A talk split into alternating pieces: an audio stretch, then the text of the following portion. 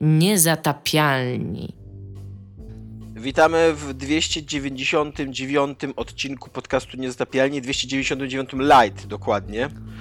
E, witają się z wami Iga Ewa Smoleńska reprezentująca własne opinie. Dominik Gąska i Tomek Strągowski i będziemy dzisiaj nagrywać dla Was podcast. Będziemy w tym podcaście rozmawiać o rzeczach. Znaczy, bardzo prawdopodobne, że o jakich rzeczach nie będziemy rozmawiać, ponieważ ostatnio tak mamy, tak nam wychodzi, że nie rozmawiamy o kilku tematach zazwyczaj.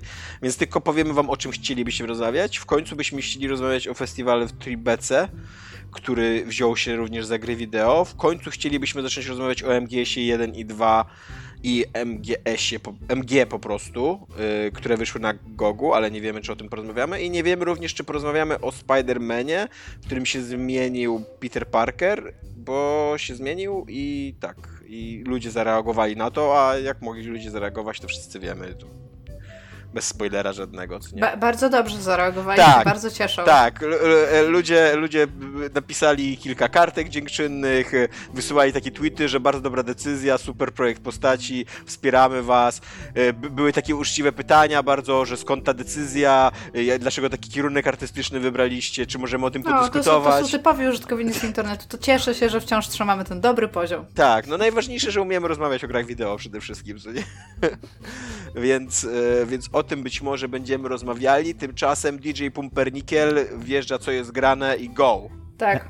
A ja tutaj ma, mam słowo, MC, wiecie, tak, jak, jak, się zaczynają takie rapy, że już wchodzi taki bicik ten i tam oni wtedy um, mówią, że um, tam, to, um, o właśnie, no, no i tutaj chciałam powiedzieć, że e, napisałam to z myślą o tym, żeby nasi słuchacze również wiedzieli, co dzieje się w tygodniu na naszym czacie i to są moje przemyślenia na ten temat. Uwaga. Tomek, słuchaj, niezła drama, ludzie płaczą w internecie, Tomka drama nie obchodzi, bije gdzieś mordy w Hadesie. Tomek, popatrz w tego maila, słuchacz znowu gry poleca, ja skończyłam Danganronpę, Tomek skończył dziś Hadesa. By nie było wątpliwości, że Tomasza wyczyn lepszy to początek tej historii, Hades padł tu po raz pierwszy, Tomasz powiedz, bo zamawiam słodką kawę, jakiś łakoć, prosta ja jestem dziewczyna, poleć proszę jakieś ciacho, ale Tomek już nie czyta, Tomek w nosie mamy ciastka, Hades martwym jest po dwakroć, zamknij ryja, basic klaska, Tomek słuchaj moja wina, znów kupiłem asasyna, jak, jak opuszczam oficynę, to się śmieją ze mnie dzieci, Tomek tylko się uśmiecha, Hades martwy po raz trzeci, no i fajnie tak to płynie, Hades raz po raz jest martwy, Monster Hunter w grudniu w kinie, Hades martwy po raz czwarty, w moim sercu jedną prośbę do Super Giantów noszę, tutaj Iga ja pozdrawiam, a to Tomasza oddać proszę. Brawo, brawo, jestem wzruszony. Zgadnijcie, w co gra Tomek. Zabiłem Hadesa sześć razy przede wszystkim, więc sprawdź swoje fakty. O nie. Ale tak, gram trochę ostatnio w Hadesa, ale nie będę o tym mówił, w co jest grane. To może ja zacznę, co jest grane w takim razie. Poza tym, że gram w Hadesa, gram w niego dużo i jest to bardzo dobra gra i bardzo ją polecam wszystkim i grajcie w nią. I, i, i Tomek już w ogóle z nami nie rozmawia. Już w ogóle. Bo po prostu, bo po prostu jak e, Dominik napisał, że kupił nowego Assassina, to stwierdziłem, jebać to, mut, miód na 8 godzin, nara. Nic nie mówiłem o tej grze, znaczy nie pisałem. No jak nie? No, Powiedziałeś, że grasz no, i wysłałeś no tak, chyba tak, screena nawet. Na grupę, ale nie musiałem, ale no, mówię, że miód nie musiał być wrzucony, bo nie mówiłem, nie pisałem nic o niej ale będę mówił o niej dzisiaj. E, nie, wymiutowałem was wtedy też dlatego, że rozmawialiście o jakiejś dramie. E, to była ważna drama. To, to jest drama, która żyje i którą ja żyję i ja potrzebuję jej więcej, Tomasz. E, otwórz swe serce czekaj, na czekaj, niepotrzebne gdzie, gdzie wytłumaczenia ludzi z internetu, którzy rzucają się mięsem. Druga część tej, tej dramy jest po prostu, trzeciej jeszcze nie obejrzałem, ale druga jest po prostu, kurde... Wspaniała. Ja może szybko powiem, o jakiej dramie mówimy. No mówimy o tym, co się stało w Screen Junkies i o tym, co się dokładnie stało 3 lata temu, kiedy e, Andiego z Screen Junkies zwolniono. E, natomiast ja tutaj chcę powiedzieć, że ja jestem osobą, która ogólnie w nosie miała ten serwis i wciąż mnie nie obchodzi, a nic co się dzieje, ale ta drama jest tak dobra, że teraz, Netflix mógłby bo on teraz zaczął publikować swoją wersję, tak, tej historii. Tak, on po tak. trzech latach, e, dokładnie jakby to date, mówi e, na temat tego, e, że właściwie to on nigdy nie dostał sposobu, żeby powiedzieć o tych rzeczach ze swojej strony i tak. wziął dwóch gości zaprosił, laskę, która jest z Anglii albo ze Szkocji i która nic nie rozumie, nikt nic nie rozumie, co ona mówi, bo ona szepcze, więc super, że ją wziął. I takiego typa, którego po prostu tak nakręcał, po prostu powiedz im, you go girl, go! I no jest, jest mega, jest a przy okazji, tak, a przy okazji oni, to, to się wydarzyło na, jakby na samym początku tej całej akcji MeToo, tak tu, tuż po Weinsteinie, więc wszyscy byli bardzo nabuzowani i ci jego e, przyjaciele, przynajmniej ludzie, których on nazywał przyjaciółmi, współpracownicy z tego serwisu, się natychmiast od niego odcięli po tych zarzutach. Tak przestali odbierać od niego telefony, nie chcieli z nim rozmawiać, więc to jest taka drama, że nie tylko on przedstawia wersję swoich wydarzeń, ale on pra praktycznie wykrzykuje tam do jednego z nich, że y, złamałeś mi serce! Złamałeś mi serce! I, I, po prostu jest taki długi rant, w którym on po prostu y, całego siebie w ogóle do tego człowieka. Piękne to jest naprawdę.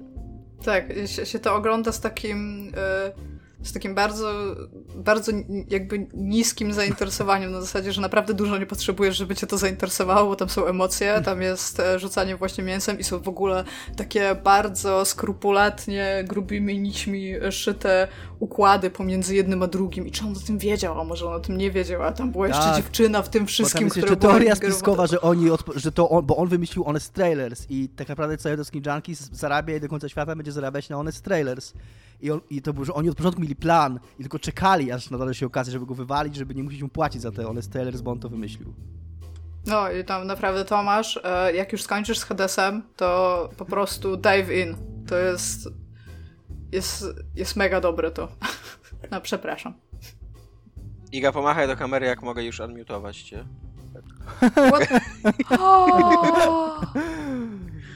Jaki Burn. typ. Więc e, co jest grane? Ja zaczynam. Yy, może pora z tym skończyć. Film Charlie'ego Kaufmana. Obejrzałem go ponieważ obaj z Dominikiem jesteśmy fanami na pewno scenopisarstwa Charlie'ego Kaufmana, niekoniecznie chyba jego filmów, chociaż ja bardzo lubię jego Anomalisę, e, ten film animowany, taki poklatkowy, on jest chyba też w ogóle, nie dość, że poklatkowy, to jeszcze jest chyba e, z tych, e, no... Z plasteliny. Nie, nie z plasteliny, właśnie z... Nie figurkami, tylko lalkami, o. A, okej. Okay. E, więc ja Anomalistę bardzo lubię. Synek Dochy Nowy Jork nie, nie oglądałem, ponieważ Dominik mi powiedział, że go nie zrozumiał i że nie warto, więc ja stwierdziłem, że go nie znaczy, zrozumiałem i nie warto. Znaczy, chwilka, chwilka, jakby jesteś wiele leveli nade mną, jeżeli chodzi o tam znajomość literatury i filologii i tak dalej. Myślę, że jakby jest większa szansa, że rozumiesz ten film. Co znaczy... Do... No? E, to, albo to później, bo co, co do Anomalisty jeszcze chciałem dodać, że się zgadzam z tobą, że, że to jest spoko film, ale ja byłem trochę rozczarowany. To znaczy, to jest spoko film, ale on się trochę powtarza z zakochanego bez pamięci tak naprawdę w tym filmie. Jest ok, ale tam nic świeżego w nim nie ma. No więc może pora z tym skończyć. To jest film, który udowadnia mi, że y, tak, że nie jestem wcale bystrym człowiekiem. Jest to film, którego przede wszystkim w ogóle nie zrozumiałem. On się, to jest taka historia, która się zaczyna dosyć gatunkowo, tak, że to jest historia dwójki młodych ludzi, którzy są ze sobą kilka tygodni i e, chłopak zabiera dziewczynę po to, żeby poznała jego rodziców i ona, a ona w międzyczasie się zastanawia, czy nie pora skończyć tego związku? Czy nie, nie jest zbyt za, zaangażowana? Czy to nie jest tak, że ten związek do nikąd nie zmierza? Czy nie jest w ogóle tak, że wszystkie związki do niczego nie zmierzają i tak dalej, i tak dalej? I zaraz na samym początku sugerowane są, sugerowane jest, że tam y, jakby nie jest zachowana y, ta taka narracyjna fikcja, nie? Tylko y, zaraz jak ona zaczyna rozmyślać nad, nad tym tytułowym, może po raz tym skończyć, to ten na przykład ten drugi, drugi bohater y, słyszy jej myśli i tak przez moment, co mówiłaś? Co, i tak, albo w pewnym momencie ona mówi, że napisała wiersz, zaczyna recytować ten wiersz i patrzy wprost w kamerę, jakby takie, tak jakby recytowała go do, do widza, nie? I, i to, to, to wpuszcza taki niepokój, i w momencie, kiedy my doci- nasza akcja dociera do tego domu tych rodziców, on ma taki, ten film ma taki fajny, horrorowy posmak. Taki, ja już w tym momencie go nie rozumiałem tego filmu, nie wiedziałem, co autor chce powiedzieć, ale jeszcze byłem zaintrygowany na takim poziomie, że, że rozumiem konwencję kina tam się nic strasznego nie działo, żadnych, żadnych takich y, krwawych jatek, ani nic takiego nie było, więc jakby nie, nie odpychał mnie ten film. Rozumiem konwencję kina interesuje mnie, co to jest za dom, co jest w piwnicy tego domu, y, interesuje mnie, dlaczego ci rodzice są tacy dziwni, dlaczego wszystkie te historie, bo te, wszyscy bohaterowie opowiadają jakieś historie i zwłaszcza historia tej głównej bohaterki, ona się cały czas zmienia i cały czas zmienia się jej imię, ona cały czas inaczej się, cały czas y, opowiada, że robi, zajmuje się czymś innym w życiu i jakby jeszcze ogarniałem intelektualnie ten film, także chciałem spróbować go zinterpretować, co nie? Zwłaszcza, że później, jeśli się w ogóle, jak, jak już wchodzi ta groza, to ta groza wchodzi na takim poziomie na maksa egzystencjalnym, bo tam nagle y, zaczyna się taki temat śmiertelności, ci rodzice nagle się starzeją tak gwałtownie, jest w ogóle taka scena... O, to, to, jakby... super. Co? Jakby Przepraszam, ale to brzmi super. Ja, ja z kolei też mam tutaj uwagę, jakby z kolei to nie weszło na poziomie egzystencjalnym, tylko nagle wyspilicy wyszły zombie, a oni wzięli piły i zaczęli do nich napierdzielać, to byś się zdziwił, kurde. Tak, tak, to bym się zdziwił. Ale, ale wszystko to jest zrobione tak chaotycznie i na takim cringe'u, w ogóle Kaufman jest chyba trochę znany, to tak, że zeksplorowanie cringe'u, nie? I na takim cringe'u, że, że to, nie, to się nie układa w spójną intelektualną całość. To jest bardziej takie, takie na, na poziomie odczuć, nie? Jakby takiego ale później oni w pewnym momencie wyjeżdżają z tego domu i w tym momencie ten film w ogóle się zmienia w jakiś taki esej audiowizualny, filmowy, jakąś taką rozprawę na temat kina, na temat struktury fikcji, na temat tego, czy fikcja może nam dostarczać jakichś e, mądrości życiowych, czy nam dostarczać tylko tanich pocieszeń. I Kaufman chyba stoi, wydaje mi się, po tej stronie, że właśnie, że fikcja dostarcza nam tylko tanich pocieszeń i że e, jakby fikcja filmowa jest koniec końców szkodliwa, że to są takie tylko hollywoodzkie schematy i tak dalej. On próbuje przełamać, jak rozumiem, te hollywoodzkie schematy, tylko że on nie przełamuje za pomocą y, bardzo sztywnych, bardzo sztucznych, nie sztywnych, ale takich sztucznych e, filmoznawczych w ogóle dialogów e, w samochodzie na dwóch aktorów. Nagle się okazuje, że trzeba być mega oczytanym, mega takim e, głęboko osadzonym w amerykańskiej, nie tylko popkulturze, ale i w amerykańskiej kulturze, takiej prawdziwej, takiej tej, tej wyższej, żeby w ogóle cokolwiek zrozumieć z tego filmu. Że na przykład ten wiersz, który czytała ta dziewczyna, że to nagle nie jest jej wiersz, tylko to jest wiersz jakiejś niezależnej poetki z Kanady i że to jest istotne. Że oni rozmawiają w pewnym momencie o filmie Kobieta na krawędzi, który oczywiście trzeba znać ten film, ale nie dość, że trzeba znać ten film, to oni w pewnym momencie, e, ta, ta, ta bohaterka w pewnym momencie zaczyna cytować recenzję tego filmu z New Yorkera. Jakby nikt nie mówi w tym filmie, nikt nie mówi w tym filmie, że ona cytuje tą recenzję, że autorka tej recenzji jest jakąś znaną feministką, która w tej recenzji jakby bardzo takie e, kontrowersyjne tezy stawiała jak na, swoje, jak, na swój, jak na swoją bazę, co nie, czytelniczą, jakby, jakby takie, takie, że nie spodobały się tym, tym, tym lewakom, feministom i tak dalej, te, te, te tezy z tej recenzji. I jakby ten film w ogóle o tym nie informuje. W pewnym momencie, ja się w ogóle ciszyłem, że w pewnym momencie oni na przykład zaczynają mówić o Davidzie Fosterze Wallace'ie i o jego, o bardzo konkretnym eseju i ja, ja nie znam tego eseju, ale przy, ja przynajmniej kojarzyłem nazwisko, przynajmniej wow, jestem tu, jestem, jestem z wami w tym momencie. I jakby tego było mało, to, to po, ta, ta długa rozmowa kończy się wizytą w szkole, e, bo ponieważ e, jakby do tej pory, do tej pory cały czas tam się pojawia. Ja, ja, wydaje mi się, że ja nie spoileruję tego filmu, bo go się nie, nie za bardzo da spoilerować. On jest takim, takim ciągiem. Yy, nie. Wydarzeń. Tak, nie, nie, nie wynikających ze sobą za bardzo przyczynowo-skutkowych scen. Znaczy są bohaterowie jest jakaś tam. To jest jakaś trochę tam... jak sen. Tak, trochę tak. Snu. I oni, trafi, oni trafiają w szkole, w którym, w którym se, yy, woźnym jest główny, znaczy główny, wydaje się, że trzeci główny bohater tej książki, te, te, tego filmu, bo, e, bo on wcześniej się pojawił w takich krótkich scenkach, że jest, jest sobie woźny i tam właśnie szoruje, e, szoruje podłogę w tej szkole. Okazuje się również w tym momencie, że bardzo ważnym tekstem do, do, do, do znajomości tego e, filmu jest e, musical Oklahoma, o Oklahomie i o taki, taki i okazuje się, że e, e, okazuje się, że w ogóle ten musical jest prawie wprost, znaczy nie, nie prawie, jest wprost cytowany, wprost tam się pojawia piosenka z tego musicalu. Zaczyna się scena baletowa a na końcu jest przemowa noblowska, bo gdzieś tam na początku ktoś wspomniał o tym, że ten główny bohater facet jest geniuszem i że należy mu się Nobel, ale tak trochę ironicznie o tym wspomniano. Więc oczywiście, że na końcu jest przemowa noblowa, kręcona w czerni i bieli i ta przemowa noblowa, no, noblowska jest z e, tego filmu o tym e, Nobl, nobliście, co, został, co był schizofrenikiem jednocześnie jak on się nazywa? Piękny umysł, o. I to, to jest przemowa z tego pięknego umysłu. Więc i, i to jest absolutnie jakby podstawowa warstwa interpretacyjna tego filmu, te, te, te teksty, które ja, muszę, ja wymieniłem. Musicie znać e, e, niezależnych kanadyjskich poetów, musicie znać e, krytyków z lat 70. z New Yorkera, musicie znać film e, Kobieta na krawędzi, musicie czytać Oklahoma. Davida Wostera Wallace'a, musicie znać e, musical Oklahoma i dobrze by było, żebyście jeszcze sobie przypomnieli Piękny Umysł, bo mi się wydaje, że Piękny Umysł to jest jedyny taki film, który tak na podorędziu mamy, jakby wszyscy w miarę kojarzymy, co to jest. Więc musicie... Mam dwie książki Wallace'a. Ani razu w życiu ich ja nie też. przeczytałam, ja... ale moja dobra znajoma ze studiów doktoranckich pisała na jego temat doktora, więc ja przeczytałem... przeczytam. Ja przeczytałem ze dwa eseje Wallace'a i, yy, i okej, okay, nawet mi się podobały, ale akurat tego, tego eseju, o którym nam mówili, nie czytałem. Nie? I to jest w ogóle, to jest tak wsobny film, to jest tak, ja jakby y, rozumiem, że postmodernizm jest intertekstualny, że właśnie, że żyjemy w takim jakby wielkim e, e, bagnie tekstów i że jakby to wszystko, to jakby wchodzimy w to i się zakopujemy i to wszystko, wszystko się odnosi do wszystkiego, nie? To na przykład dobrze Marvel to pokazuje, że nie ma czegoś takiego jak niezależny film Marvela, tylko on nie dość, że istnieje w, sam, w swoim własnym ekosystemie, to jeszcze czerpie z ekosystemu komiksowego, to jeszcze każdy film czerpie z innej konwencji gatunkowej i odwołuje się poprzez to na przykład to, że jest y, Kevin Costner, tak, bodajże w y, Winter Soldier, tak mi się wydaje, że to jest Kevin Costner, e, no to, to, to się odwołuje do filmów, szpiegowskich filmów zimnowojennych, w których Kevin Costner grał, co nie?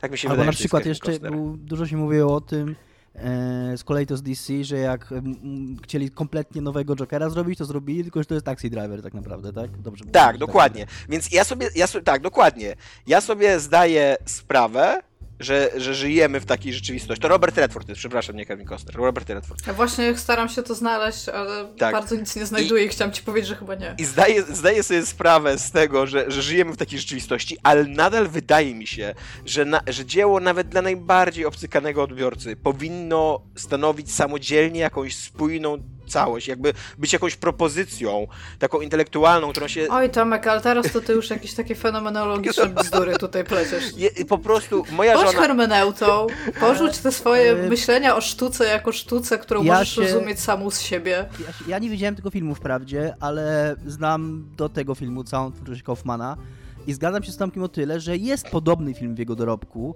który niedawno sobie przypominałem, jest to adaptacja, której ja też, i tam nie było nic takiego trudnego, absolutnie nic takiego, ale to też jest film, który próbuje robić różne rzeczy. I ja tych rzeczy, jak go oglądałem pierwszy raz, nie zrozumiałem. Musiałem doczytać dopiero, jak czytałem o tym filmie, żeby go całkiem zrozumieć. Ale nawet bez, skoro, mimo że ich nie rozumiałem, to jakby kumałem jego narrację i on był, no satysfakc- on był satysfakcjonujący po prostu nawet bez tego, a później jak o nim poczytałem, to było dodatkowo jeszcze jakby wzmacniało to moje jakby poszanowanie dla tego filmu, że jeszcze w nim coś więcej jest, nie? Dokładnie, ja nie, sobie tutaj... Ja jestem wielką fanką tego filmu, o którym mówił Tomek i bardzo chcę go teraz no to zobaczyć. zobacz, on jest na Netflixie, on jest na Netflixie. Ja, ja sobie następnego dnia przesłuchałem podcast Michała Oleszczyka, w którym Michał Oleszczyk tłumaczy, o co się jemu wydaje, że, że się dzieje w tym filmie i o czym jest ten film. I to są, ja lubię Oleszczyka, to jest w ogóle bardzo mądry krytyk i to są dosyć mądre rzeczy, które on mówi. Jakby wydaje mi się, że ten film jest ciekawy, tak jakby tylko ja, ja nie jestem Michałem Oleszczykiem. Ja nie, ja nie oglądałem tego filmu jako Michał Oleszczyk. Jako, jako zupełnie nie zrozumiałem. Absolutnie. Moja żona Iwona przespała połowę tego filmu, bo on jednocześnie w drugiej połowie on jest strasznie nudny, tak przerażająco nudny. To jest film o dwóch ludziach jadących w zamieci samochodem, gadających do siebie o filmach z lat 70., cytując recenzje filmowe z lat 70. z New Yorkera, co nie? Jakby to, to brzmi już nudno, jak się streszcza, A później się kończy właśnie błądzeniem po korytarzach szkolnych i yy, tym tym numerem takim baletowo-musicalowym, co nie? Wie, więc on jest strasznie... back to school. I, I ja autentycznie, kurde, zazdrościłem Iwonie, że ona śpi, śpi co nie? Bo ja siedziałem i się, i się na maksa męczyłem, Iwona, co nie? Iwona, słuchaj. Śpisz, to dobrze. Śpisz? Zazdro. I e, no nie wiem, jakby rozumiem, że Kaufman nie jest y, autorem filmowym jakby łatwo dostępnym, jakby y, rozumiem, że jego, że jego twórczość jest trudna. Y, do tej pory byłem sporym jego fanem, tylko mówię, nie oglądałem Synekdochy, bo podobno Synekdocha też jest taka niezrozumiała. E, ale poza, poza Synekdochą oglądałem chyba wszystkie jego filmy. I zarówno jakby te filmy, które on nakręcił, czy Anomalizy, jak i te filmy, do których napisał scenariusz, czyli tam e, właśnie Zakochany bez pamięci, Być jak John Malkowicz i tak dalej, nie? I i kurde, naprawdę, naprawdę go ceniłem. A tutaj to jest trochę taki, mam, mam wrażenie, taki intelektualny wyżyk, co nie? Człowieka, który, który przede wszystkim jest strasznie sfrustrowany, bo to też wy, w, w ogóle wynika z tego filmu, strasznie sfrustrowany współczesną kulturą i, i taki wydaje mi się, że strasznie zmęczony i zawiedziony tą współczesną kulturą, co nie? I on, ale on jednocześnie chce to powiedzieć, że jest sfrustrowany, zawiedziony i tak dalej, za pomocą współczesnej kultury. I to, to jest dla mnie trochę nieoglądalny film, co nie? I, I na maksa się męczyłem. Nikomu go absolutnie z czystym sumieniem nie polecę, chyba, że jako taką, nie wiem, ćwi... no to by też go z czystym sumieniem nie polecę. Chyba, że jako takie ćwiczenie intelektualne pod tytułem ile ty z tego zrozumiesz, a później przeczytaj artykuł o tym, o co w tym filmie naprawdę chodziło. Najlepszy ja, rodzaj filmów. Ja jeszcze powiem, że raczej nie obejrzę tego filmu, po tym co Tomek powiedział, bo mnie już Synek Docha strasznie wymęczyła. Anomalizę dla mnie to jest takie 6 na 10. Ok, ale byłem rozczarowany, bo z kolei wydawało mi się, że jest taki błahy ten film w porównaniu z innymi jego filmami. E, to. E, to co ja chciałem powiedzieć, zgubiłem wątek że, aha, że ja mam wrażenie, że on, oprócz tego, że on jest takim trochę Davidem Cage'em, jakby z całym wszystkim dla Kaufmana jest dużo lepszy od Davida Cage'a, ale że oni mi się bardzo długo mówiło, że jest takim genialnym twórcą, że jest takim kurwa złotym dzieckiem Hollywood, taki po prostu y, cudowny scenarzysta i jak, jak oddano mu całkowicie klucze do królestwa i powiedziano rób co chcesz, no to się okazało, że e, może jednak lepiej, żeby ktoś go trochę trzymał na wodze i powstrzymywał. No tak, tak. No przede wszystkim to w ogóle nie jest... Y reżyser filmów takich hollywoodzkich rozrywkowych moim zdaniem, co nie? A po, Jak... a po drugie jeszcze tylko szybko powiem, że yy, on się trochę powtarza już, bo tak. on to, co ty mówisz, on już powiedział i to dużo lepiej w adaptacji tak. właśnie, o której mówiłem. Adaptacja też była praktycznie cała o tym, o tym tak. jego rozczarowaniu, o tym, że on chciał zrobić, nakręcić film inny niż niż typowe hollywoodzkie filmy, bo ta książka jest tak dobra, że zasługiwała na lepszy film, ale jakby nie był w stanie wyrwać się z tych... No to tutaj jest trochę na odwrót jakby, co nie? Że on na, na, najpierw zaczyna kręcić hollywoodzki film, a, a później kończy na takim mm. jakimś niezależnym ofowym filmie, co nie? No to taka odwrotna adaptacja. Tak. I, a co więcej, ten film też na maksa dużo, moim zdaniem, czerpie z bycia jak John Malkovich, które, bo on też jest takim filmem o, o tym, jak my postrzegamy rzeczywistość i czy my nie jesteśmy postrzegani bardziej przez kogoś innego, czy, czy jesteśmy w stanie uciec z tej takiej pułapki, wiesz, yy, niezdecydowania, czy my, czy, czy, czy prawdą jest to, co my widzimy, czy prawdą jest to, jak my jesteśmy postrzegani przez innych i tak dalej, nie? I no tak, ja się zgadzam bardzo, że to jest. I, a do tego Oleszczyk jeszcze, mówiąc o tym filmie, streścił książkę Kaufmana. On teraz wydał powieść w Stanach Zjednoczonych. I ta książka też jest bardzo, kurde, w tym temacie. Bardzo, bardzo w tych wszystkich tematach kaufmanowskich, co nie? No. Więc, jakby ja, więc... ja, ja, nie, nie mam jakby tak a priori nic przeciwko twórcom, którzy mają jakieś swoje takie koniki i się powtarzają w nich. Yy, bo choćby jestem fanem Dicka, który robił dokładnie to samo. E, ale tutaj głównym problemem jest to, że on te rzeczy zrobił bardzo, bardzo dobrze. O związkach i o tym, jak przebiegają związki, moim zdaniem o, Zakochany bez pamięci robi to, no na pewno nie udało mu się nawet do, dojść do podobnego poziomu, ani w Anomalisie, ani jak rozumiem w tym, co teraz zrobił. O współczesnej tak. kulturze jest adaptacja i też no fenomenalnie jest to zrobione i jakby skoro już widać, że zrobił to najlepiej jak się dało zrobić, to kurna po co dalej? No co tak, no, zgadzam się z tobą, tak, tak. No nie Powiedziałbyś, że to jest Dark Souls filmów jego? Nie wiem, no ja nie grałem w Dark Souls, raz jeszcze ci powiem, ale nie, bo wydaje mi się, że Dark Souls przede wszystkim sprawia frajdę z grania, tak? Jakby ma dobry, dobry gameplay. Eee.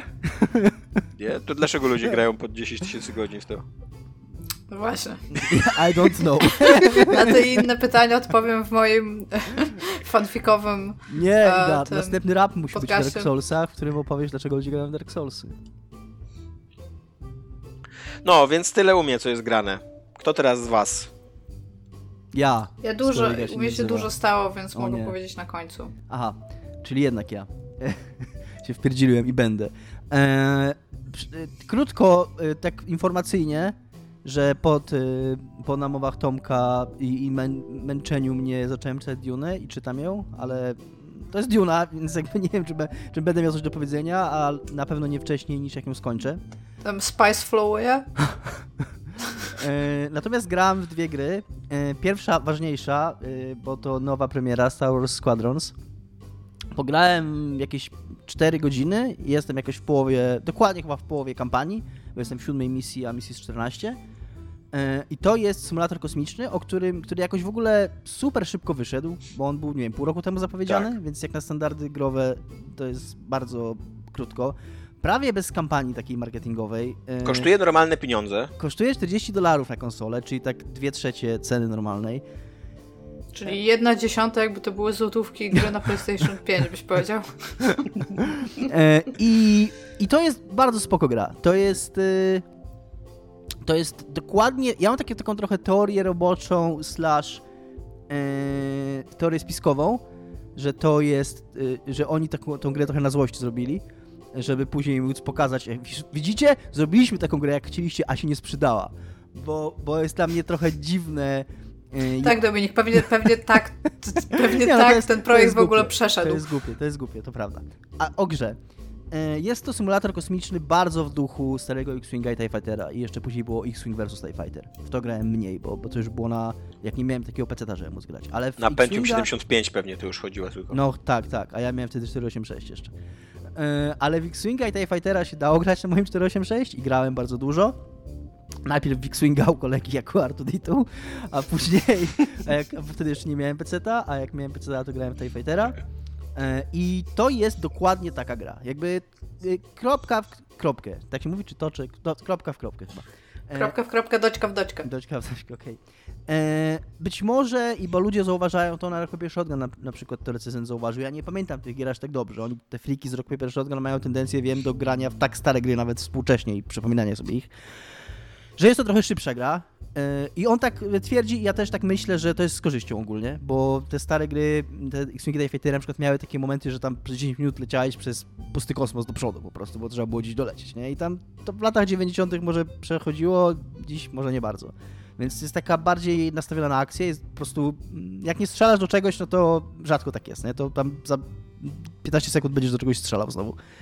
Eee, ale poza tym cały gameplay to, co, mm, to co, o co chodziło w tym gameplayu, czyli zarządzanie mocą przede wszystkim, czyli masz moc pomiędzy laserami, tarczami, a napędem i zależnie od tego, e, że na przykład jak do ciebie strzelają, to możesz sobie z silników przerzucić na tarczę i wtedy tarcza ci się szybciej regeneruje, ale tam wolniej latasz, tam gorzej skręcasz, nie? I jakby zarządzanie tymi, tymi zasobami, tą energią i przerzucanie tarczy na przykład do przodu, do tyłu, E, wybór broni, wybór całego wyposażenia dla, dla statku przed, przed misją, to wszystko jest e, no jest takie bardzo symulatorowe. Tam, o ile to jest oczywiście głupie, tam symulator e, statków kosmicznych, szczególnie, że przy okazji nie ma to sensu, bo to jest symulator, w cudzysłowie, zrobiony na fizyce z Gwiezdnych Wojen, czyli na takiej fizyce, że jak statek kosmiczny leci, a wyłączysz mu silnik, to się zatrzymuje od razu. tak jest. Bo, słuchaj, to było tak dawno temu, że Newton jeszcze nie był Feng i jeszcze jakby tak, jeszcze nie, nie, nie wziął w te swoje y, kajdany fizyki. Więc y, to było dawno, dawno, to prawda. Więc to tam taki symulator to jest takie palcem na wodę pisane, nie? To bardziej chodzi o to, że, że ta, w tej grze chodzi o trochę więcej niż po prostu o celowanie kursorem i naciśnięcie guziczka, nie? że jest tam trochę takiego kombinowania taktycznego. I no i jest tam, no i to jest super jak dla mnie. Nie? Ja czekałem na tę grę 20 lat. I Grałeś w multi? Grałem w multi, parę razy, tak, już. Jest fun. E, nie wiem, czy to multi ma nogi, że tak powiem brzydko po angielsku. Są dwa tryby chyba tylko, co? Są tylko dwa tryby i to jest, pierwszy jest taki skirmish po prostu deathmatch, mm, każdy na każdego. Nie, przepraszam, drużynowy, 5 na 5. A drugi, A drugi to, to bitwa, tak? Taka bitwa, tak, zrobiona trochę w stylu... E, ja grałem w Battlefronta 1 e, i tam jeden, czy w dwójce to wprowadzili, no w każdym razie był taki tryb, w którym, i to chyba jest typowe dla gier, dla gier multi, takie, um, taki tryb z przesuwającym się, przesuwającą się linią frontu, że, że ty masz swój statek główny, oni mają swój statek główny, na środku są jakieś twoje korwety, ich korwety i zależnie od tego, kto, komu idzie lepiej, to się przesuwacie i jakby ta linia frontu się przesuwa, nie? I chodzi o to, żeby zniszczyć ten ich główny statek, który jest na samym końcu. Mm. I, i grałem raz w ten tryb e, bitwy z Michałem Piwowarczykiem, tak tuż po kupieniu gry, tego samego dnia stwierdziliśmy, że spróbujemy sobie i tam jest taka wersja, żeby po prostu grać Kto był pilotem, a kto był Artuditu? Obaj się pilotami. Żeby być, e, żeby grać z AI, więc nam jakieś te, pięć osób gra, więc jakichś trzech e, randomów nam do, dobrało i to AI nam skupało tyłki i przegraliśmy tą, tą grę z botami, więc stwierdziliśmy, że tam może jeszcze nie jest czas. Ale parę skirmishów później zagrałem i tam spoko, fajnie mi się grało. Nie wiem, czy na długo to... Przypuszczam, że to jest taka gra, która za pół roku będzie zapomniana, ale fajnie, że coś takiego zrobili. A przy okazji jeszcze co ciekawe, EA bardzo twardo stoi na tym i producent tej gry to powiedział, to jakby się spina z tą moją niedorzeczną teorią spiskową, że nie będzie żadnego DLC do tej gry. E, nawet na zasadzie dodatkowych trybów. Nie chodzi nawet o to, że nie będzie jakiegoś tam Battle Passa czy mikrotransakcji, ale nawet, że nie będą wprowadzać dodatkowych trybów. No to ma być taka gra w starym stylu, że taki był cel. Że, że, że co, że taka... zrobili mało trybów multi, więc nie wprowadzą więcej, bo taki był cel? taki był cel, że to ma być, że gra jest taka jak gra, taka wyszła i, i tym z tego możesz być zadowolony albo nie. Jakby on mówi, że jakby używa takiego słowa, że mam nadzieję, że rozumiecie value proposition. Jakby ta gra kosztuje tyle, jest w niej to i kupujecie albo nie. I jakby on tak, tak na zasadzie. Tak znaczy, wow. Wow, ale tu mamy wybór. Ale nie, no, nie no, wiesz co, ja z jednej strony rozumiem, co on chciał powiedzieć, ale z drugiej strony jakby jest, jest dobry dodatkowy content i zły dodatkowy content, jakby coś, nikt by, tak, dlatego, nikt, by, dlatego, nikt by w nich nie rzucał jajkami, jakby dodali właśnie tak do dwóch trybów jeszcze trzeci tryb, kurde, multi, co nie? Dlatego ta kategoryczność tej jego wypowiedzi yy, tak mnie naprowadziła na tą teorię spiskową, że oni chcą, żeby później tą grę pokazywać palcem, że, że tak narzekacie na DLC i na mikrotransakcje, a jak zrobiliśmy gry bez tego, to też narzekaliście. I co teraz? Ha, ha, ha i żeby dać jeszcze więcej tego później. Ha, ha, ha! Żeby, to, to, w ogóle dwutorowo jest, a żeby Disneyowi pokazać, widzicie, krytykowaliście nas za Battlefronta, że ludzie nas, y, że mieliśmy się zły PR, a zrobiliśmy taką grę, że miał być dobry PR, a i tak nie było dobrego PR-u, bo gracze to syf. I to to wszystko chodzi. Nie wiem, ja mam wrażenie w ogóle patrząc po ludziach, Twitterze i internecie, że ludzie raczej lubią tą grę. Tak, i recenzje bardzo dobrze zbiera. Ona tak, zbiera, tak, ona tak zbiera aż... recenzje, ludzie z naszego otoczenia lubią tą grę, ale na przykład skądinąd wiem, że co też jest jakimś tam podobno w dzisiejszych czasach miernikiem czy wyznacznikiem sukcesu gry, jest bardzo mało popularna wśród streamerów. No dobra, ale Among Us nie było popularne przez dwa lata od tak. premiery, a nagle w ogóle stwierdzili, no tak, ale... że nie będą jak na razie wydawać dwójki, Ale wiesz co, wydaje mi się, że w przypadku EA e, obs, obseza, jakby obstawianie takiej strategii sprzedażowej w stylu Among Us, że może za półtora roku ktoś odkryje tą grę i zacznie się sprzedawać. To kiepski pomysł.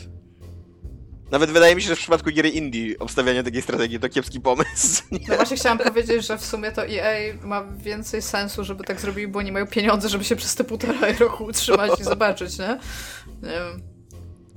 E, druga gra, w którą gram, no, to Assassin's, to sobą. No, Assassin's Creed Rogue, e, które kupiłem w wersji remastered na Xbox One, bo było w promce za 4 dyszki.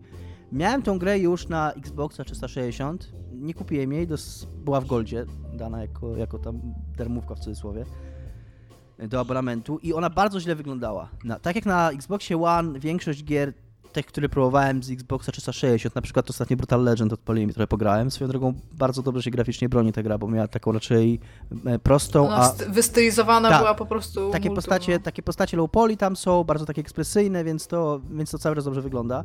Natomiast ten Assassin, on chyba był w bardzo niskiej rozdzielczości na Xbox 360, bo, oni, bo to była gra z końca generacji, to była taka gra, która wyszła jakby na, na, na styku poprzedniej generacji i tej, która się kończy więc y, już jakby cisnęli tą konsolę, więc wydaje mi się, że on nawet poniżej 720p chodzi, bo, bo przeskalowana do 1080p teraz na 400-calowym telewizorze jest strasznie taka nieostra, rozpikselowana, wygląda naprawdę źle.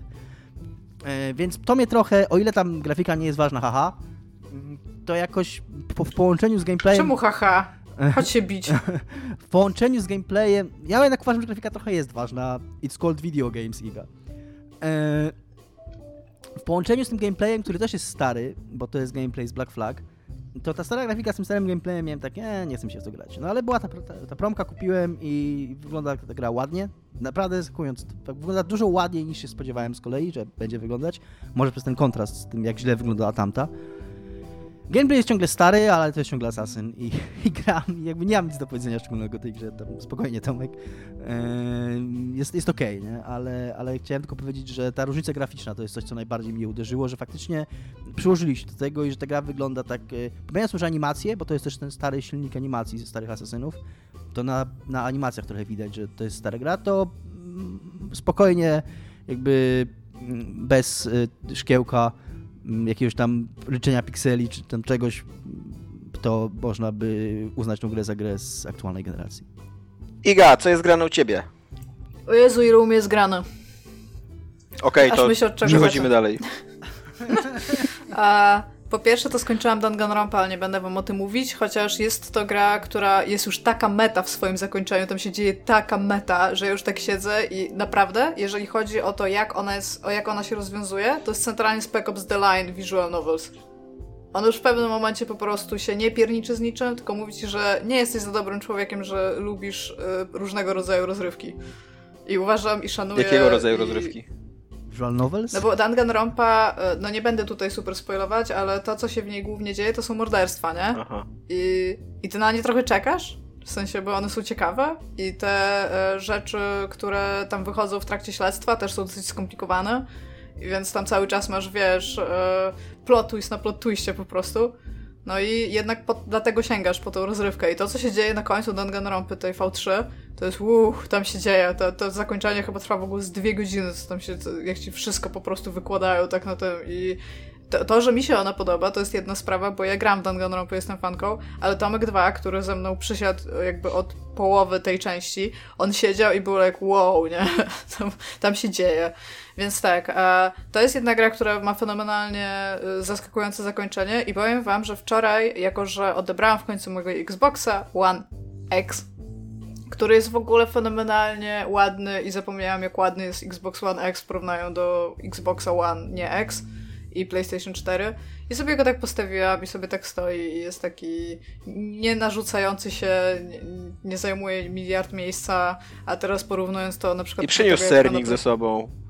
No, trochę tak. I w ogóle, wiecie, bo ja, ja jestem, e, przez to, że ja mia miałam wcześniej te Xboxy albo One, albo Xbox, znaczy Xbox One, albo Xbox One X pożyczane, to mi się już trochę popierniczyło, co kiedy pożyczałam i jak to wyglądało, więc wiecie, ja rozpakowuję kartą i na przykład szukam zasilacza, a tutaj ja takiego nie ma zasilacza, wszystko jest w ogóle w konsoli.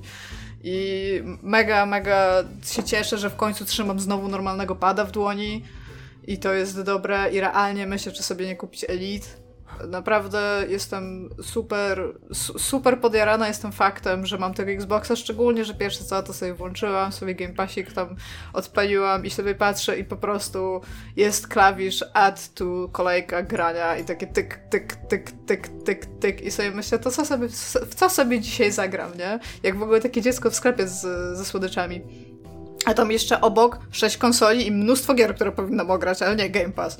Więc usiadłam i wczoraj ściągnęłam After Party, e, gra, grę tej twórców Oxenfree, o której nigdy w życiu nie słyszałam. I e, ja wiem, że Dominik... Zagraj w ogóle w Game Passie. No, kiedy zagram, kiedy zagram. Szczególnie, że skończyłam After Party. I ja nie wiem, bo ja pamiętam, że Dominik chyba mówił After Party, albo Tomek. Ktoś Dominik. z was mówił, że grał, ale nie skończył. Ja, mi się bardzo nie podobała ta gra. No i właśnie ja mam, ja mam taki thing z tą grą, że mi się w nią grało bardzo fajnie i moim zdaniem ona jest dużo gorsza od Oxenfree, tak dużo, dużo gorsza. Ale to, co się dzieje na jej końcu, to jak się to spina, w sensie historia tam opowiadana i ta narracja, która też tam cały czas idzie, łącz, połączona z gameplayem, to tak naprawdę ta gra jest za długa na siebie. W sensie, jak ona by. Ona trwa tam z 5 godzin, może 6. Jak ona by trwała 4 i byłaby bardziej skondensowana we wszystkim, co się dzieje, to by było dużo, dużo lepiej dla niej, bo naprawdę to zakończenie jest fenomenalnie dobre. Wszystko, co się dzieje w tym zakończeniu jest naprawdę super. Ja dosłownie nie mogę powiedzieć na temat jego nic, bo no to, to, jest, to jest taki już ultra spoiler tego, więc może w przyszłym odcinku mogę, mogę o tym porozmawiać, jak już ludzie zagrają, bo w Game Passie jest za darmo i trwa 6 godzin, więc macie tydzień, możecie grać godzinę dziennie i myślę, że dacie radę. Ale w każdym razie. To jest też to... ultimatum, w ogóle macie tydzień. wow. No tak, ale patent jest taki, że wszystko to, co ta gra ci, o czym ona, o czym ona ci mówi, wszystko, dosłownie wszystko, e, łącznie z tym, co, co masz tam zrobić, jaki jest jej gameplay, na samym końcu zostaje tak trochę wywrócone na głowę. I jest bardzo dobrze to napisane, bo to wszystko jest takie trochę awkward, co się dzieje na końcu. I realnie te decyzje, które tam podejmujesz, to są takie decyzje, które mają bardzo dużą wagę w tym świecie gry. W sensie y, a propos tw losu twoich bohaterów, którymi grasz i a propos wszystkich postaci, które tam poznałeś tak naprawdę, nie? Więc y, to zakończenie ją robi. Nie powiem, że to jest 10 na 10. To jest takie wciąż przez to, jak ta gra jest zrobiona, to jest takie 6 na 10, ale takie 6 godzin. Miałam wczoraj taki klimat, że fajnie mi się grało, a przy okazji ona ma taki. Tak, przez to, że tam się chodzi po klubach i cały czas coś się robi w klubach albo w pubach, to mia, miałam taką ochotę w ogóle, żeby, żeby znowu być młodsza i żeby znowu całą noc po prostu chodzić tam od klubu do klubu, od pubu do pubu, żeby gdzieś tam I żeby znowu, coś z kimś pogadać, i żeby znowu kogoś nie było poznać. Pandemii. Słucham? I żeby znowu nie było pandemii. Nie, no to żeby nie było, bo tak, bo jak nie było pandemii, to ja po prostu nic, tylko po nocach siedziałam po klubach i chodziłam od klubu do klubu. No to nie, był no, trochę problem, tam... Iga, z tobą, to był trochę problem, no. No to tak, no. I tam, Iga, gdzie jesteś? O, jeszcze na Wiksie. No. no nie, no, ale... Nie mogliśmy odcinków e, nagrywać, bo Iga często była w ogóle po prostu na takim night crawling, nie? Pub crawling. No. Ale właśnie, i to, takie, i to jest takie super, bo tam masz takie momenty, że na przykład musisz kogoś znaleźć, żeby coś załatwić i ty wiesz, że może jest tutaj i wiesz, idziesz tam i szukasz, no i tam się okazuje, że go nie ma, ale w sumie skoro tu już jesteś, to sobie usiądziesz napijesz tego piwka albo tego drinka, no dobra, to szukamy dalej, ale spotykasz kogoś, kogo tam... I miałam taki moment w życiu i stwierdziłam, że kurde, chciałabym tak jeszcze raz. No, no i miałam taki, taki fajny flashback z tego, więc ogólnie jest tak, że trwa 6 godzin, więc nie jest tak, że super ją polecam, no ale on, zagrajcie. Szczególnie, że jest za darmo w Game Passie. Więc jestem super zachwycona moim Game Passikiem i po prostu dzisiaj będę e, grać w Outer Wilds, ale jest też pełno takich e, indie rzeczy, które chciałam sobie na PC ograć, ale teraz już mogę sobie ograć je leżąc na kanapie w gaciach z padem w ręku i po znaczy, prostu... tylko gwoli ścisłości i naukowego trzymania się faktów yy, podcastu niezdepialni.pl te gry nie są za darmo, one są w Game Passie. No nie, nie. Za Game Passa są, płaci... są w Game Passie na abonamencie. Za Game Passa się płaci pieniądze, tak. Tak. I gaczy Hades tak, no... 10 na 10? O, i właśnie, grałam jeszcze, bo to, to miałam powiedzieć na samym końcu, ale Tomek e, praktycznie rozkazał nam grać w Hadesa, a Dominik się wykpił jakimś sposobem kupując Asasyna, więc po prostu jak mi się no nie udało, trafił, jak, palec jak mu się, się omsknął. Jak mi się to udało i to przeszło, to do dzisiaj nie wiem. Kupił sobie Asasyna. Ja natomiast kupiłam Hadesa na Switcha i się uzależniałam po prostu w momencie, jak go odpaliłam. Gra jest... Yy... I to, I to jeszcze raz, to co teraz powiem, Tomek, to nie jest jakikolwiek przytyk, to jest dobrze. On jest najbardziej bastionowatą z gier oprócz Bastiona ich. I jakby na Przemyślałem początku... tą uwagę i trochę się z nią zgadzam już. Przepraszam, Te, że, przepraszam, że się nakrzyczałem. I, takie, I te animacje i wszystko jest takie podobne, ale to jest dobrze. Szczególnie, że oni mają gameplay loop rozkminiony po prostu tak bardzo genialnie, bo wszystkie rzeczy tam na siebie wpływają. Nie ma czegoś takiego, jako że grasz w roguelite i umierasz, to nie ma czegoś takiego, że to, że to, że poszedłeś nawet pograłeś te 15 minut nic ci nie daje. Zawsze masz coś, żeby coś z tym zrobić i żeby następny run był lepszy i po prostu to się tak fajnie napędza. I zawsze jak znajdujesz okazji... coś, to pierwsze co sobie zadajesz pytanie, jak to będzie gra działało z innymi czymś, co już masz, co nie? Znaczy, jak, tak, jak te umiejętności się jeszcze... zazębią, co się to da, co nie? Tomek jeszcze gra bardziej tak e, strategiczno-taktycznie, bo ja na przykład uznałam, że ja nie będę odblokowywać żadnej broni, dopóki nie przejdę tą bronią, którą mam całego rana. Tak stwierdziłam. Dopóki nie clearuję mieczem, bo zaczyna się z mieczem, to nic więcej nie zrobię. No i tak sobie e, przeszłam tą pierwszą e, furię, a tam ileś tam razy doszłam do tego drugiego tam świata i tam jak mi mówi, ty, a ty upgrade'owałaś miecz i tak co? W ogóle Iga, Iga gra w Duma. Tam do, znajduje, znajduje shotguna. Nie, dopóki nie przejdę gry pistoletem, nie będę strzelać z shotguna. No nie, no ale to byś jest... musiał y, odblokować tego shotguna gdzieś w hubie. Żeby, jest to coś, to... tak, co możemy powiedzieć naszym słuchaczom. Jeżeli gracie w Hadesa, to y, bronie mają levele. To jest bardzo źle komunikowane w tej grze. Sam na to wpadłem trochę przez przypadek. Jak weźmiecie broń, bumperem się ją bierze na padzie, na, na, na Switchu, więc jak weźmiecie z broń, to po niej zostaje taki jakby cień, Taki kształt. Coś takiego. To kliknijcie jeszcze raz bumper i wtedy zobaczycie listę, są w ogóle, każda broń ma cztery aspekty i każdy z tych aspektów można jeszcze levelować.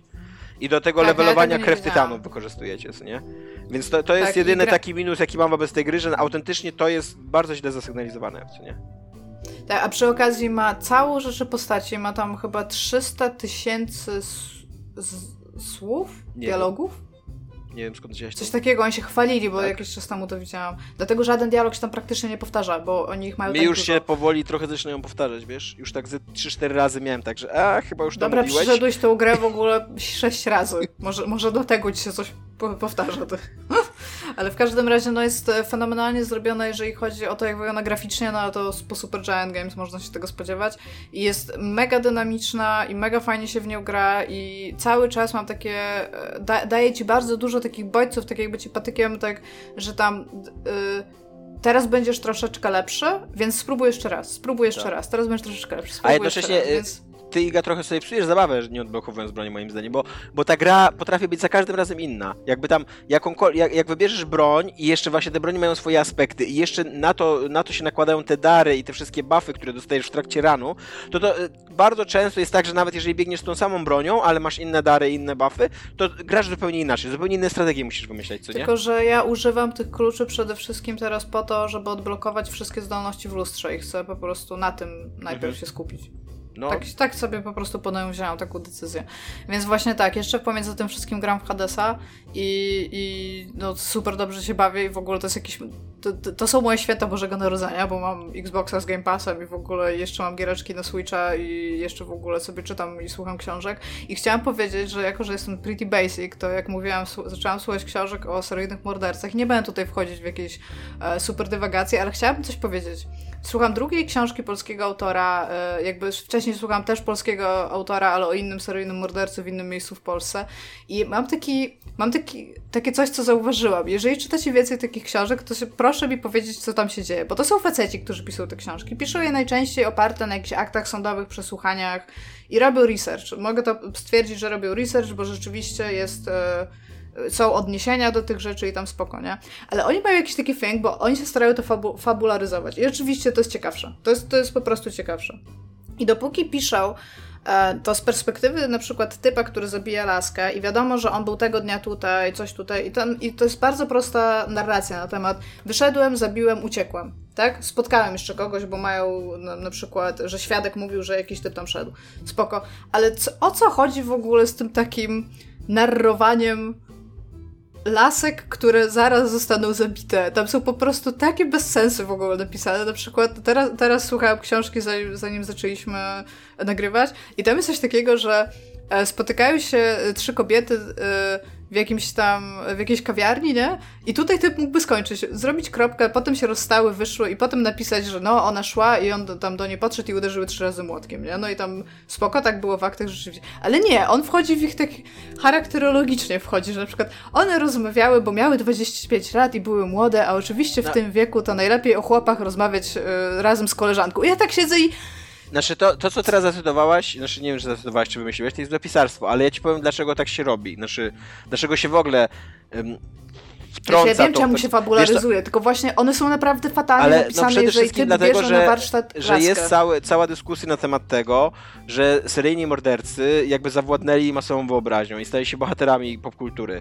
a że ważniejsze dla nas powinny być ofiary seryjnych morderców, nie seryjni mordercy. Tak, ale Tomek, Więc, słuchaj, więc tutaj jest jakby taka próba, jest... rozumiem, dosyć rozpaczliwa i nieudana oddania głosu i sprawiedliwości ofiarom. Tak, nie? tylko wciąż jakby te laski, ich, ich e, najczęściej charakter, ja mówię, to jest na bazie dwóch książek, więc mam po prostu badania jakościowe i ilościowe zrobione tam masakrycznie, szczególnie, że przesłuchałam je raz, nawet jakoś się tam mocno ten... Te laski głównie zajmują się faktem, że są laskami i robią la rzeczy, o których ten autor myśli, że laski robią. Są laskami robią laski, jak, jak to laski? nie, właśnie, słuchaj, patent jest taki, że jedna nie chciała i to, to nie było dobrze. Iga, ale, ale e, z drugiej strony ja rozumiem, że ty się czepiasz, bo się spodziewasz jakiejś kultury wysokiej i zniuansowania, ale czy laski nie są laskami po prostu? Also znaczy są pretty basic, also tak? nie bądź takim snowflake'iem yy, i wiesz, trochę, yy, no... Mm. Nie, tylko że wiecie co my to najbardziej... Jest, to, to, to, to, to, to, to, to, to, to, co ty to robisz, takie... to jest moim to... zdaniem e, próba e, holokaustu kultury białego człowieka.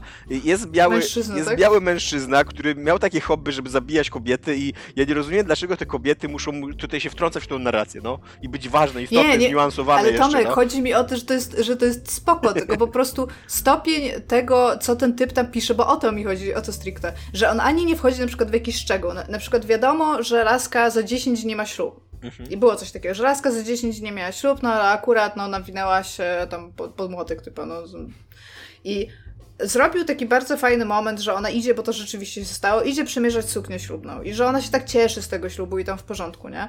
I masz coś takiego i tak się zastanawiam, dobra, tutaj wiadomo, że to była młoda kobieta, która miała jakby jakieś ważne wydarzenie przed sobą, no i naprawdę ba bardzo słabo się stało, że akurat pech się taki stał, że że szła i że nikt z nią nie szedł, no, no i że zginęła. I spoko. Ale masz następną, czy tam poprzednią z tego, w jaki sposób on to opisuje. I o niej już było trochę mniej, bo tam nie za bardzo wiadomo było, co się z nią stało. Ale wydaje... I ty pisze o niej, nie pisze o niej jakiejś takiej narracji na temat... E, tego, co mogło się wydarzyć, albo jakie tam. Tylko to jest takie po prostu y, rzucone właśnie. No i plotkowała z koleżankami, bo baby plotkują o chłopach, jak miał 25 lat. I tak, po, po co to wsadziłeś? Akurat to, co teraz czytam, to jest chyba Skorpion. Wydaje mi się też, że to może wynikać z to, tego, to że... Kaszubach. A, a kto to napisał? Jezu, już ci mówię, bo wcześniej czytam kryptonim Frankenstein. Wydaje mi się, to ty poszukaj, a ja ci powiem, co, co mi się wydaje. Wydaje mi się, że to może... Krzysztof Wójcik. Wydaje mi się, że to może wynikać z tego, pracowałem z nim, wydaje mi się, że to może wynikać z tego, że... Zapytaj się go, co robią laski, jak mają 25 lat. I powiedz mu, że być może gadanie o chłopach w takim wieku to nie jest jedyna Kuba, rzecz, która Kuba Zagarski się z nim kumplował, jak w WP pracował Krzysztof Wójcik. Okay. Wydaje mi się, że zaraz, to może wynikać z tego, że te książki są oparte na dokumentacji przede wszystkim, policyjnej pewnie i sądowej i tak dalej, a jakby e, rozumiem, że policja i sąd nie bardzo obchodzi życie prywatne ofiary, bo ofiara zawsze jest tak samo ważna, obojętne czy tam jest Dobrze, ale Tomek, mniejszy, wciąż, bardziej ja wszystko się z tym zgadzam i to jest to, co ty mówisz jest mądre, ale po co on napisał, dosłownie po co on napisał, i są dwa zdania o ofierze. I mógł, mógł nic nie napisać, mógł napisać więcej, a napisał że siedziała z koleżanką e, na kawie i ciastku i rozmawiały o chłopach, bo ni z nikim w wieku 25 lat się tak dobrze o chłopach nie gada, ja, jak z koleżanką. Ja nie znam ani tej książki, ani tego człowieka, ani tej sprawy, ale jestem białym mężczyzną, więc stronę po stronie Właśnie. Tomka, bo trzeba bronić honoru naszej... Nie, ja go nie bronię. Naszej, naszej grupy, ale chodzi mi o to, że być może dlatego nie napisał więcej, że to jest prawdziwa osoba, która naprawdę żyła i być może zmyślanie jej zainteresowań ma, trochę nie ma sensu, żeby napisać więcej. No dobra, ale to w takim razie nie uważasz, że to już już bardzo no, niefajne, że tak- pewno, tak... No jakby... jak je, je, dobra, Tomek, Dominik, jak mnie zabije seryjny morderca młotkiem i, na, i to będzie jedyna rzecz, która się znajdzie w książce, to wy macie obowiązek wystąpić i powiedzieć słabo. Wydaje mi, się, słabo. wydaje mi się też, jakby nie chcę bronić, rozumiem, że to jest e, źle napisana książka, jakby tu przyjmuję ten fakt. Iga... Znaczy ona nie jest, ona, ona jest napisana w miarę sprawnie, to się fajnie się tego słucha i wszystko, tylko ona ma takie właśnie tak, takie momenty, że... Patrząc na tak... to z perspektywy mojego jakiegoś tam doświadczenia dziennikarskiego, wydaje mi się, że to może być trochę taka sytuacja pułapka dla dziennikarza, bo z jednej strony on nie może odpuścić tej postaci jakby ofiary, co nie, bo ona jest ważna, ona jest kluczowa, ona, bo, mówię, takie... Tak, ja się z tym zgadzam. Takiej narracji społecznej ona w ogóle powinna być ważniejsza niż morderca, ale oczywiście wszyscy wiemy, że to morderca ludzi interesuje najbardziej. Ale jednocześnie on nic o niej nie wie i nie chce, tak jak Dominik mówi, nie chce fantazjować, bo może kogoś skrzywdzić, zranić i tak dalej. Więc no dobra, pisze jakieś, takie, jakieś takie nieszkodliwe banały po prostu. Dobra, ale jeszcze raz, mógł, mógł napisać, mógł napisać. Spotkała się z koleżanką, z którą wypiła e, kawę. Po 15 minutach rozmowy stwierdziły, że jest już późno, więc wyszła.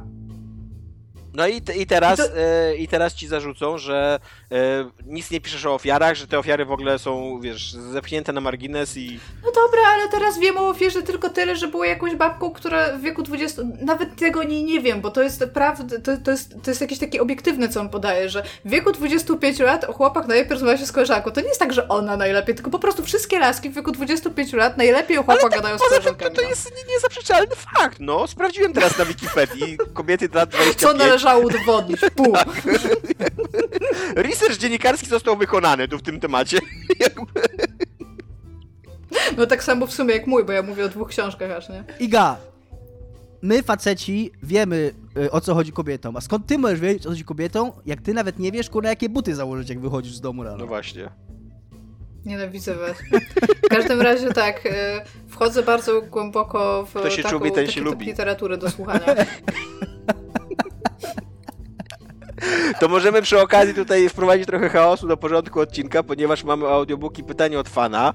E, Eddie Marcready wydusił z siebie pierwsze zrozumiałe dla mnie zdanie, od kiedy komentuje z podcastem. Więc chciałbym oddać hołd temu zdaniu i Eddie pyta się, czy słuchacie audiobooków na słuchawkach, czy też z głośników w kombie. Ja odpowiem jako pierwszy, jeżeli pozwolisz. Ja słucham w 99% na słuchawkach, na spacerze, na rowerze, na zewnątrz, jakby podczas jakiejś tam aktywności, kiedy po prostu zamiast muzyki słucham audiobooków. Aczkolwiek zdarza mi się, że jak na przykład myję łazienkę albo golę się, co mi zajmuje z 15 minut, e, to biorę sobie głośniczek do łazienki i wtedy słucham z głośniczka. Ale to bardzo rzadko. Jakby. A z komputera tak, żeby usiąść, nie wiem, i słuchać na przykład do pracy, wiem, że Iga tak słucha, to nie, to nigdy, bo nie potrafię się skupić. Ja właśnie chciałam powiedzieć, ja nigdy nie słucham audiobooków z komputera, nigdy. No, ja to... jeżeli słucham jak pracuję, mhm. to albo telefon kładę z, po prostu z jego głośnika i tak samo mam jak ćwiczę bardzo często, a, albo jeżeli się kąpię, to też tak zwykle słucham. A, I na słuchawkach, jeżeli jestem na zewnątrz. Ale y, w ogóle audiobook dla mnie do komputera ma się nijak, bo ja dlatego właśnie też między innymi słucham na komórce, bo jak coś, ktoś coś do mnie mówi albo coś się dzieje, to ja muszę zapauzować automatycznie. Mhm. Tak jakbym książkę zamknęła i wsadziła tam, nie wiem, zakładkę. A jeżeli on by był na komputerze i ja bym musiała szukać albo aplikacji, albo strony, z której on leci, to, to, to już po prostu by nie działało, tak nie może być. To ja, ja go muszę mieć cały czas pod kciukiem. Możemy też przy okazji powiedzieć, że jeżeli korzystacie z apki Emping Go, to już jesteśmy na tej apce. E, no i możecie nas tam słuchać. Nie wiem, czy ktoś. Pozdrawiamy pana, który Panią. pytał się, czy coś się stało z naszą numeracją. Panią, tak. Pani, pani miała bardzo Panią. duży problem, żeby dodać do bazy danych odcinki niezatapialnych. Pytała się, czy to jakiś błąd, czy to tak specjalnie. Tak. Więc w ciągu najbliższych tygodni jeszcze sobie wiele razy zada to pytanie.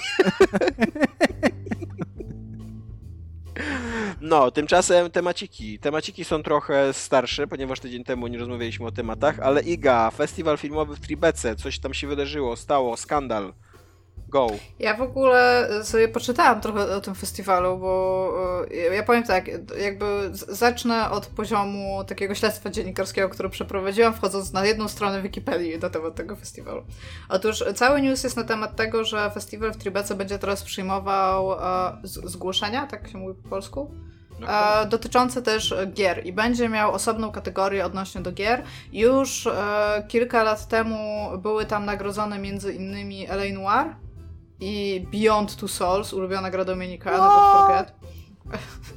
I, e, I ja miałam trochę problem z tym newsem i powiem dlaczego miałam z nim problem, bo to w jaki sposób oni się wypowiadają, dlaczego postanowili tam dołączyć e, gry, e, to oni mówią o tym, że e, historia, opo historia opowiedziana w mediach jakby, kiedyś była bardzo stricte e, używała jakby środków dla, z każdego mediów, a teraz te środki zaczęły się zacierać, nie?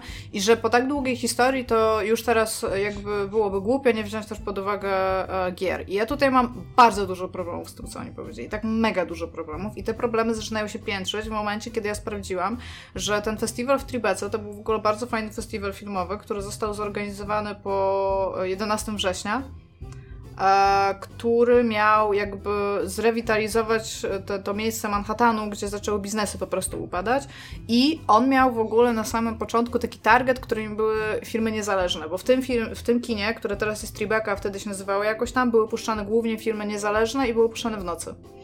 Więc uznałam, że to jest w ogóle super. I teraz mam z tym jeszcze większy problem, jeżeli chodzi o gry, bo o ile cieszę się, że gry będą bardziej doceniane, to ja nie rozumiem, gdzie festiwal, który ma mówić o jakichś takich młodych twórcach, twórcach mniej znanych, którzy robią bardziej wybitne rzeczy, nagle będzie teraz brał jakiś Beyond Two Souls i, LA Noir, które nie są w ogóle ani grami niezależnymi, ani w ogóle są bardzo mało grami, moim zdaniem. O ile bardzo lubię LA Noir, to nie uważam, że to by było... Że, uważam, że to jest słabo zrobione systemowo gra po prostu. I oni będą im dawać nagrody, dlatego że one wyglądają jak filmy. Tak. I like, to może dajcie antynagrodę dla gier, które wyglądają jak filmy. Bo jakby oni nie będą nagradzać oni e, gier niezależnych, tam, które są mało filmowe. Właśnie, czy oni tam mówią coś o jakby o tym, jakie gry będą nagrywać, czy nagradzać? Czy to jest tak, że oni będą się skupiać na filmowym jak, experience jak na, w grach wideo? Nie, nie ma czegoś takiego, że, że oni podali, bo jako, że możesz się zgłaszać, to rozumiem, że możesz się po prostu zgłosić z grą i oni jako jury, i tam jury, do jury doszła Kiki Wolfkill, doszedł e, Hideo Kojima i zaraz sobie przypomnę, kto tam jeszcze doszedł. E, I oni będą mówić o tych grach, ale z tego, co ja widzę, to to jest patrząc po wcześniejszych wyróżnieniach na ten temat i e, grach, które w ogóle już nagrodzili, to moim zdaniem to są stri- że, że, moim zdaniem spodziewać się należy w taki sposób e, gier stricte AAA, które są bardzo takie kinematograficzne. Więc jakby ja nie widzę, o ile uważam, że to na samym początku mi się wydawało bardzo fajnym newsem, o tyle uważam, że cały ten news jest bardzo problematyczny, jeżeli chodzi o medium gier, bo jakby jeżeli mamy gry, które są dosyć skostniałe, czyli opierają się na cutscenkach. E, one mogą być fenomenalnie zrobione technologicznie, ale wciąż jakby te systemy mogą właśnie nie działać. Albo są takimi grami jak Beyond Two Souls, w których masz na przykład sławnych aktorów. I to realnie był, był powód, który, który częstokrotnie podkreślali w artykułach na temat tego, że, tam, że, że wzięli go na ten festiwal. Jakby who gives a fuck? Wiesz co? Jakby jeżeli w tą grę gra się słabo, jeżeli to słabo zrobiona gra, dlaczego ona powinna dostać nagrody festiwalu filmowego? I jeżeli tak, to właśnie moim zdaniem oni powinni na przykład określić te, te ten, tą nagrodę nie jako nagrodę y, Tribeki tam Games Festival za gry, tylko za najbardziej kinematograficzną grę. Jakby coś takiego, żeby to było. Żeby było centralnie wiadomo, że tutaj nie chodzi w ogóle o to, jaki poziom reprezentuje ta gra. Już mówię. E, Bing Gordon z Electronic Arts, e, Nili, Kili, Nili, jak on się nazywa? Jeff Kili. tam nie ma N w tym nazwisku. No, ja rozumiem, że widzę jest, i co z tego? Ja rozumiem, że ono jest dosyć, e, być może trochę kłopotliwe, ale tam nie ma N przede wszystkim, więc nie rozumiem skąd ta wątpliwość. No jest Hideo Kojima, jest Sam Lake i jest Kiki Wolfkill, więc jakby, jakby już po nich patrzeć, to są bardzo kinematograficzni twórcy, jakby, jeżeli chodzi o grę, nie? W sensie i Halo, i Remedy, a, I, tak, i, i a nawet jeżeli nie, nie nawet nie, jeżeli nie kinematograficzny, bo tam nie wiem, czy Jeff... Jeff Halo akurat, Halo Jeff, akurat Jeff Healy. ale, no nie, no, ale to są... Raczej tacy oceniający bardzo duże produkcje. No właśnie, to są ludzie zainteresowani zdecydowanie, to tak jakby, jeżeli mówi, że ta Tribeca do tej pory była zainteresowana kinem niezależnym, to będziemy teraz zainteresowani kinem niezależnym i kurde najwyższą półką w ogóle gier AAA no za tak. najwyższy budżet. Wiesz co, znaczy, co mi się wydaje? Bo w ogóle tą Tribeca założył De Niro. I on ją założył właśnie z tych względów yy, i przy okazji chcieli jakby w jakiś sposób no, zachęcić ludzi, żeby wciąż jakby oddziaływali w sztuce, tak? Ja nie wiem, nie, nie badałam historii tego festiwalu, bo on tam już ma ile? 19 lat minął, tak? On 9-11. Uh, więc nie badałam, jakie filmy dostawały rok w rok, no ale takie były założenia. Jeżeli takie masz założenia i jeżeli nie zmieniłeś jakby e, tego... Uh, modus operandi to nie, ale jakby... Jak Za dużo nazywa, książek o mordercach nie, no bo trochę tak. I gier o morderstwach tak swoją drogą. A jak się nazywa e, takie coś...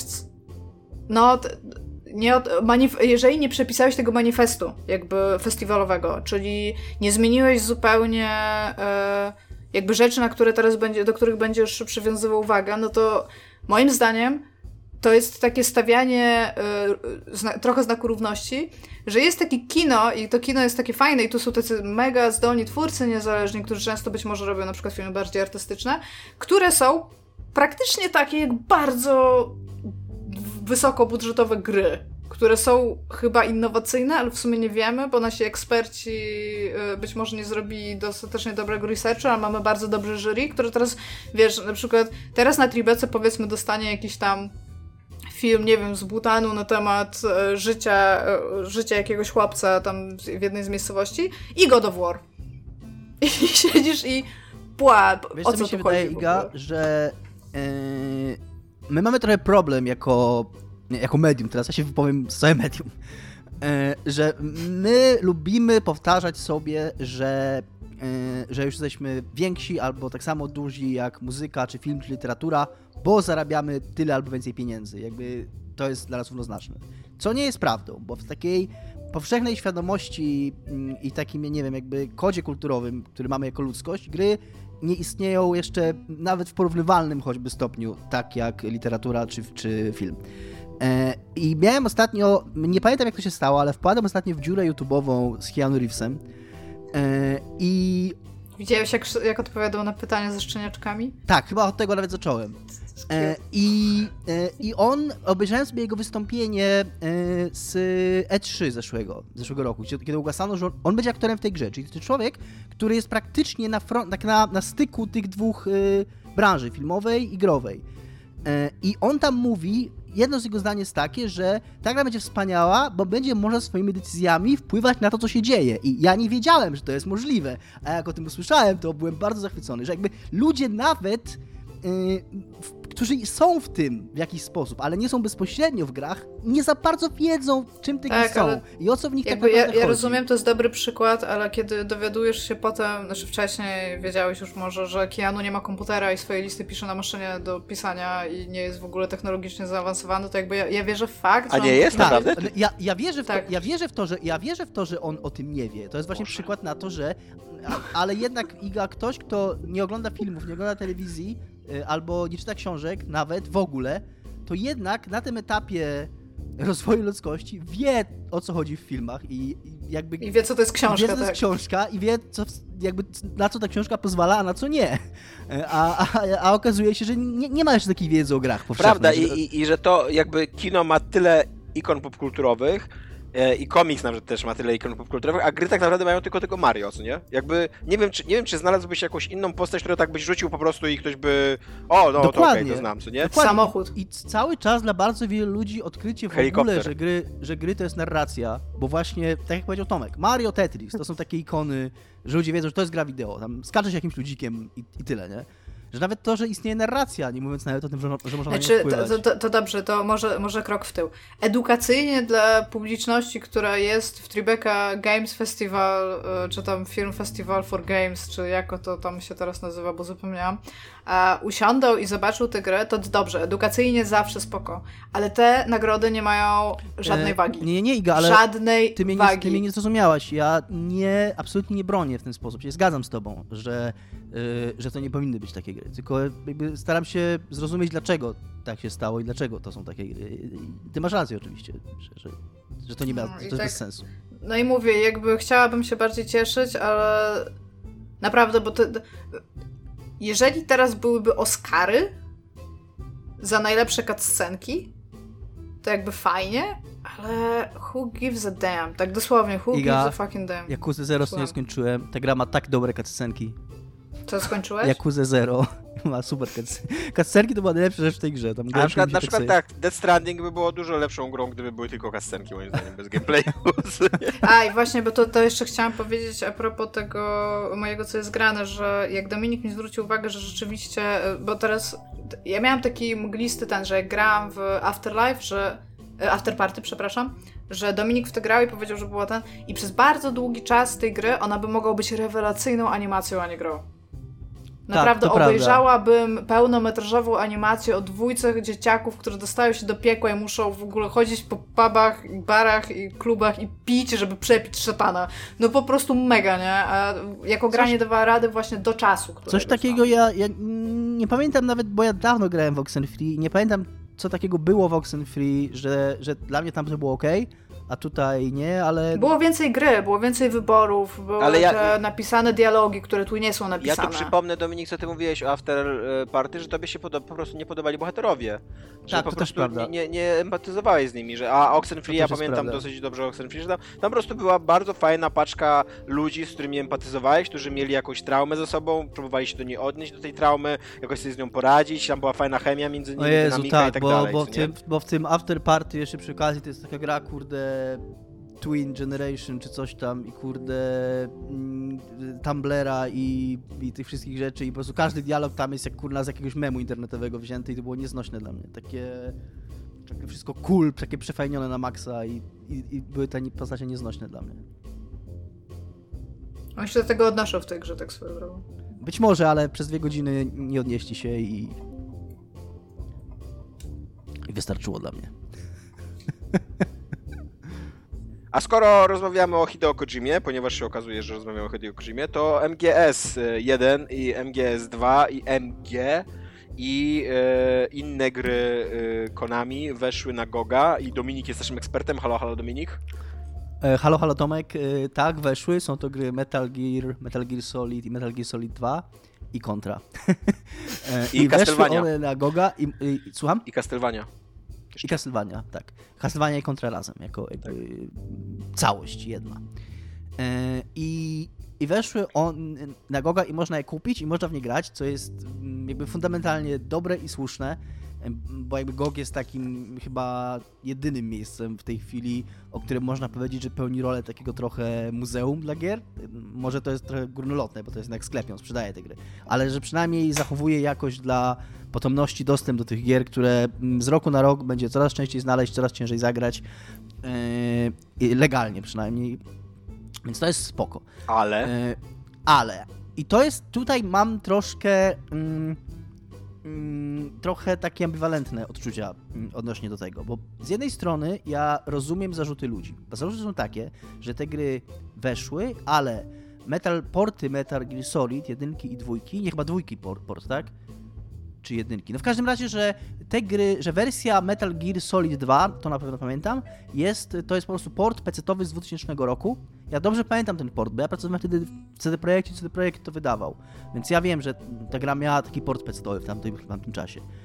I że to jest dokładnie ten sam port, który nie jest w ogóle przystosowany do współczesnych rozdzielczości, e, współczesnych kontrolerów, e, to jest po prostu tyle, że oni opakowali tą grę w, w tam jakiegoś launchera, Mm, jakiegoś DOSBoxa, czy nie wiem, cokolwiek, pewnie nie, bo to pewnie nie, nie było na DOSa, no, to już nie te czasy. No ale z, zrobili tyle, takie minimum, żeby ta gra się uruchamiała, e, i nic poza tym. I, I że to jest, no coś jest po prostu słabo gra. Że ta gra, że oprócz tego, że można ją kupić i ona się odpala, to wciąż granie na nie, w nią na współczesnym komputerze jest e, mało fajne, jest skomplikowane i, i, i, i, albo trzeba tam się bawić jakimiś tam, jakieś tam egzotyczne wiem, ustawienia konfiguracji, ściągać jakieś tam dodatkowe mody, żeby w ogóle ta gra działała, albo po prostu się nie da w nią grać. Do tego jeszcze podobno są problemy też ze stabilnością. I to też wynika z tego portu, który to miał, e, ale że jakby nie naprawili tego i ta gra się ciągle wysypuje, że jakieś tam jest miejsce konkretne, w którym bardzo często po prostu wyskakuje do desktopa. I to, to jest. W takim razie nawet nie jest port, tylko to jest jakoś emulowane, mówisz, tak? Nie, no to jest port, y, był port PC-owy wydany w 2000 roku. Okay. I ten port miał pewne problemy. I, I ten port jest wydany teraz, 20 lat później, i on ma ciągle te same problemy. I z jednej strony ja rozumiem zarzuty ludzi, którzy, yy, którzy kupują grę i ta gra im nie działa, bo to jest jakby naturalne, ale z, to, więc okej, okay, ale z drugiej strony GOG jest sklepem. Jakby to, co oni robią, to, to sprzedają grę.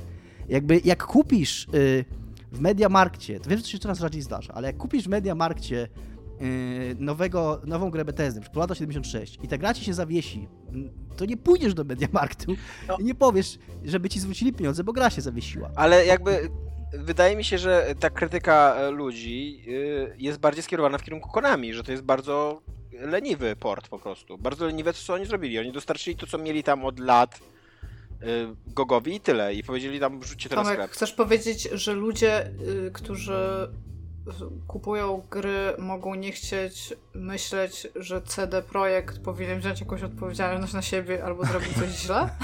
Nie, no, mi się wydaje, że krytyka, to może ja czegoś nie zrozumiałem, mi się wydaje, że ta krytyka była też mocno w stronę Goga i jest jakby druga rzecz, y, którą ja trochę rozumiem, dlaczego ta krytyka poszła mhm. w stronę Goga, bo bo GOG trochę na siebie bat ukręcił w tym, bo Konami to już jest tak, tak w ogóle e, nisko w, e, w, w, świadomości, znaczy w sensie w, e, opi- ma tak niską opinię wśród graczy, że im już nic nie zaszkodzi. Ale GOG sobie trochę bata ukręcił tym, co wokół siebie zrobił, bo oni tak trochę, są niby sklepem, ale oni trochę tak zrobili z siebie takiego wydawcę. Tym na przykład, co zrobili wokół Blade Runnera. Trochę tak trochę tak wprowadzając ludzi w błąd tak naprawdę, bo oni twierdzili, że to oni dzięki swoim wysiłkom tą grę, która była przez lata zaginiona, teraz można w nią grać i tam chwała Gogowi. Co też nie jest prawdą, bo jak mm, sobie właśnie to chciałem przypomnieć, żeby porównać tę sytuację i zobaczyć jak tam to było, to też oni nic nie zrobili. Oni wykorzystali, i to jest, oni wykorzystują w bardzo wielu to, y, grach, które sprzedają, Scam VM, y, czyli taki y, fanowski Y, fanowska wirtualna maszyna do uruchamiania przygodówek. To się zaczęło od przygodówek LucasArts, dlatego Scam, a teraz to działa dla wielu innych gier. I tak naprawdę oni tylko wzięli to, co zrobiła społeczność, y, a oni zrobili to, co jakby oni jako sklep robią, czyli załatwili kwestie licencyjne. I jakby oczywiście kwestie licencyjne były bardzo skomplikowane dla tamtej gry i to też nie było łatwe, żeby, żeby tę grę móc sprzedawać, no ale oni wzięli tylko tyle, że Mm, że załatwili umowy, a jeżeli chodzi o grę, to po prostu wzięli, wydali to, co jakby sprzedają to, co dostali, albo to, co mieli, nie? I tutaj jest taka sama sytuacja. Ja tutaj powiem o MGS-ie 1, bo ja byłem najbardziej zainteresowany MGS-em 1, bo bardzo po tym swoim maratonie MGS-owym bardzo chętnie bym wrócił, wtedy nie grałem w MGS 1 i teraz przegrał go jeszcze raz, e, że właśnie, że ten MGS 1 to też jest port z 99 roku z kolei, jakby po prostu odświeżony, taki, żeby działał na współczesnych maszynach, ale że on ma gigantyczne problemy właśnie przede wszystkim z rozdzielczością i przede wszystkim dla mnie to jest naj, najpoważniejszy problem, że ma problem z padami, co nie, że kiepsko działają e, pady, niektóre w ogóle nie działają, a jak nawet już działają, to są źle zmapowane przyciski i trzeba ściągać jakieś w ogóle oprogramowanie e, z zewnątrz i takie do mapowania przycisków wewnątrz gry, co nie? Więc... J i ski. Słucham? Jest takie J i ski, Aha. z tego co pamiętam. Więc, więc po tym, no jakby ja się, Dominik, z tobą zgadzam jednocześnie i się jednocześnie zgadzam z tą krytyką graczy, bo jestem, jestem takim człowiekiem, który by chciał w to zagrać, ale nie zagram, bo, bo słyszę za dużo złych rzeczy na ten temat i tak wydaje mi się, że zarówno sklep, jak i Konami mogliby włożyć w to trochę wysiłku. No. Wiesz co, mogliby, mogliby, ale ale z drugiej ale też nie wydaje mi się, że że powinniśmy tego oczekiwać. Inaczej, może można tego oczekiwać, nie? Ale, ale no. Mm, chcecie kupić stare gry, no to możecie kupić stare gry. I to są te stare gry. One tak były wydane wtedy. I jakby jeżeli rolą Goga jest zachowywanie gier e, y, takie, jakimi one były w momencie, kiedy wyszły i dać nam możliwość doświadczenia ich takimi, mhm. jakie były, no to oni dokładnie to zrobili. No, y z jednej strony tak, z drugiej strony nie, bo te gry takie nie były w 99, no, jakby komputery wtedy były dużo słabsze, problemy z rozdzielczością nie robiły takiej różnicy. E, rozumiem, że wszyscy grali wtedy na klawiaturze, ponieważ jeszcze nie wyszliśmy z, wtedy z epoki kamienia łopanego i jeszcze spanowało niewolnictwo i, i druga wojna się jeszcze wtedy nie skończyła. No jakby jednak trochę świat poszedł do przodu, co nie? No tak, ale mm, te gry.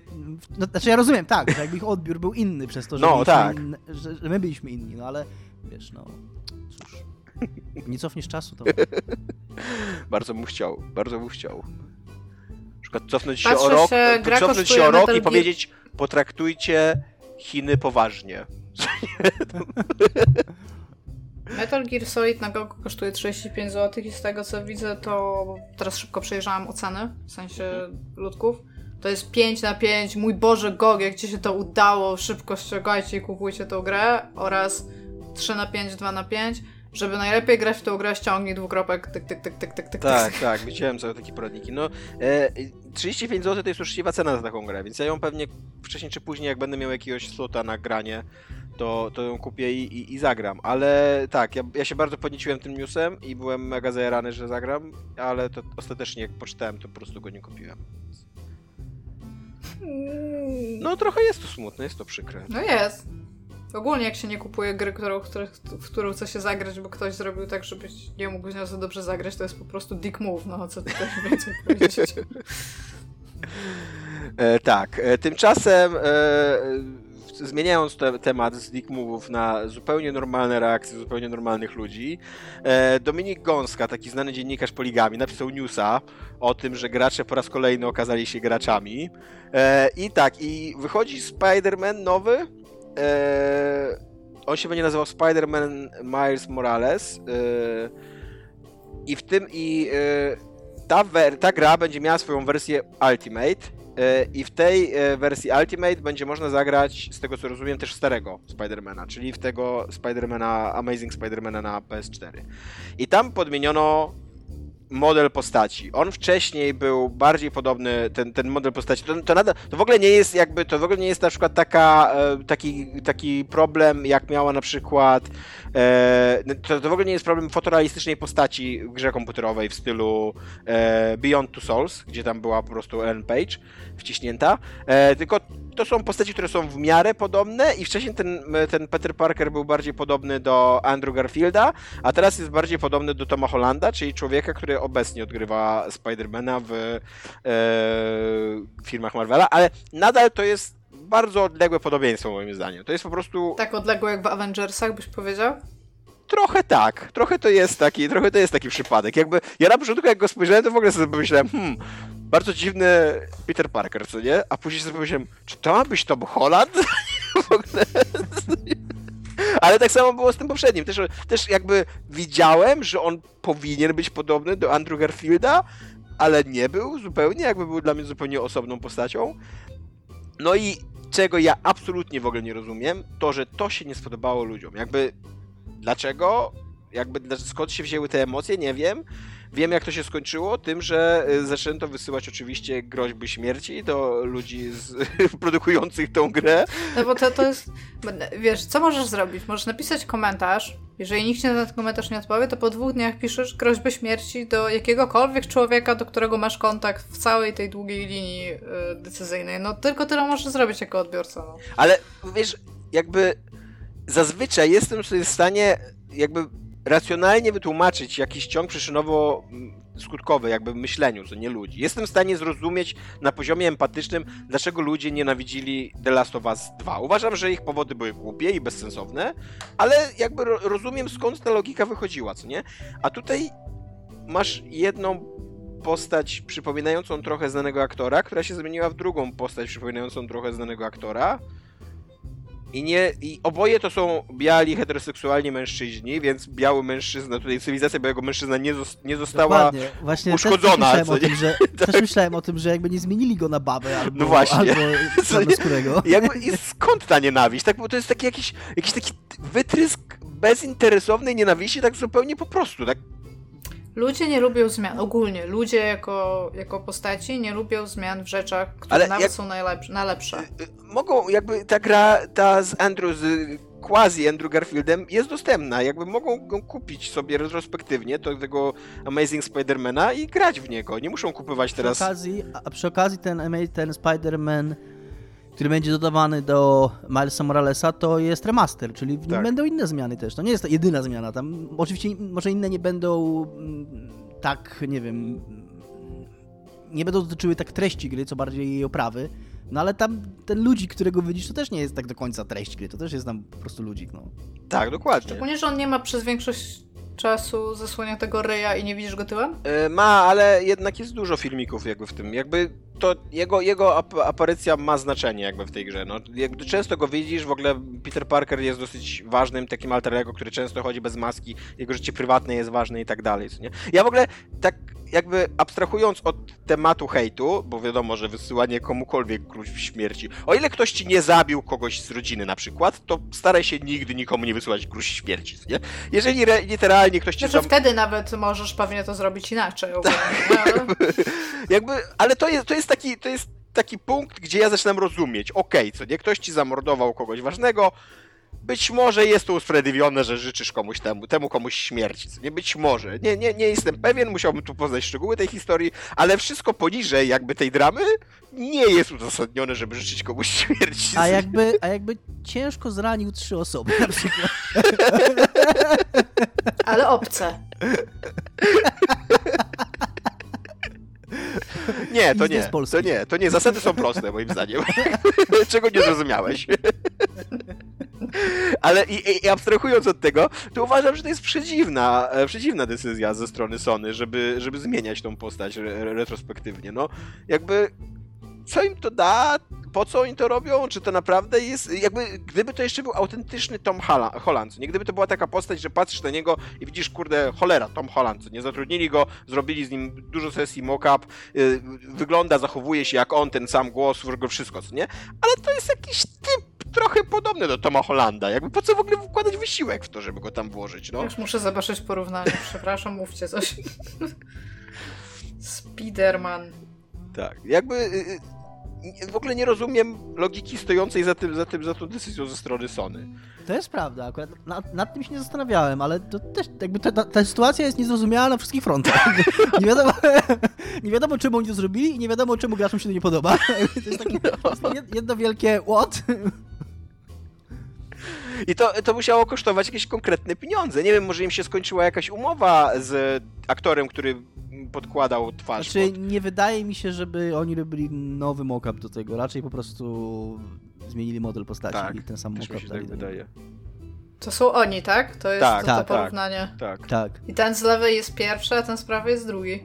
Ten, który wygląda na młodszego jest drugi, no nie wiem, który z lewej, który z prawej. No to tak. jeszcze podałaś po, to, to kamery to pokazałaś, no to już w ogóle wszystko nam odwróciło to zupełnie. I widzowie nie mają pojęcia, co pokazałaś, więc tutaj w ogóle teraz... w ogóle... Powiem wam tak, nie? Iga, ile, ile my nagrywamy jakby... ten podcast?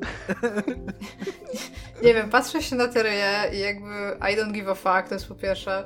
Po drugie, ten typ teraz wygląda na osobę, tamten typ wyglądał mniej na osobę, no to prawda, wrażenie, w sensie tak. był bardziej stylizowany i wszystko. I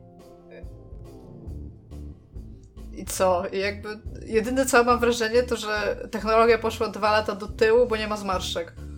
To jest tyle.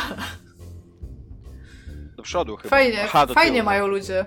Nie, do tyłu, no, bo nie ma zmarszczek. Tak, bo jest mniej, mniej szczegółów. No, jakby, mówię, gdyby, gdyby on Fa jeszcze... Fajnie był... mają ludzie, których to obeszło, to jest raz. Fajnie mają, jeszcze fajnie mają ludzie, którzy mają do tego jakiekolwiek emocje, a najfajniej mają ludzie, których to rozluściło. Like, what the fuck? Mi się wydaje, że, że Sony ma za dużo wolnego czasu i pieniędzy, a gracze mają za dużo emocji w sobie po prostu, tak, co nie?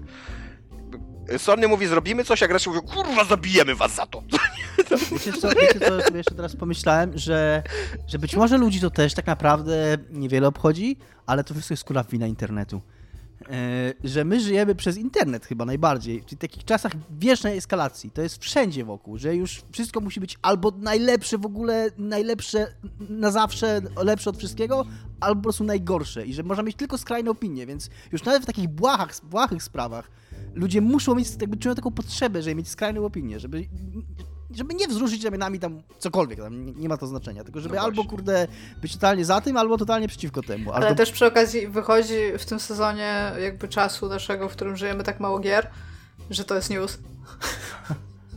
Znaczy, no właśnie, to nie jest tak, że wychodzimy o gier. No, zbliżamy się do sezonu gwiazdkowego. Teraz właśnie jest najwięcej gier, które będą wychodzić. Zaraz no, wychodzi... ale będą, właśnie to zaraz wychodzi, będą. Zaraz wychodzi nowy Assassin, jakieś tam inne gry też wychodzą podobno i będzie się działo. To, to, Tomek 2 mówi, że ogólnie to bardzo mu szkoda, że już Assassiny od tylu lat nie wychodzą.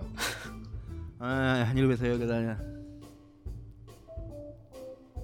Ostatnio nawet była promocja, weszłam sobie jeszcze, żeby się pożegnać e, z PlayStation Storem. O, Sony tak swoją drogą ma dużo do roboty, bo oni teraz zrobili jakiś thing, że na mobile nie będziesz mógł kupować gier, ani nie będziesz miał dostępów do wishlist swoich, więc będziesz mógł to robić tylko i wyłącznie wewnątrz aplikacji. A wiem, e, teraz Tomek się ucieszy, bo Y, jednak mam coś do powiedzenia o Asasynie i teraz mi się przypomniało przez chwilę. Bardzo się ucieszę, no. Sorry, Tomek. Że, y, że właśnie też trochę o tym myślałem, o tym, co y, mówi Tomek 2, chociaż nie wiedziałem o tym, że to mówi, jak grałem w tę grę, bo jest to takie właśnie narzekanie, że, że te gry przestały być grami o asasynach od czasów, kiedy stały się RPGami i miałem taką refleksję, że ludziom chodzi o to, że one nie są skradankami już, chyba, te gry nie, ja nie wiem o co dokładnie chodzi o Tomkowi 2. Gry... Mogą kiedyś naprosić na segment, ale byśmy musieli zrobić napisy w tym. Iga, ty nie musisz uczestniczyć w tej rozmowie, okej? Okay? Ja już no, nie uczestniczę, to już, już, jest, już masz mnie on board. To jest między mną a Tomkiem 2, z którym nigdy nie rozmawiałem i nigdy nie słyszałem, ale i tak Dobrze. wiem o co mu chodzi. Więc... Rozmawiałeś z Tomkiem 2 wiele razy. Ale nie o tym, więc tylko ja jestem potrzebny w tej rozmowie.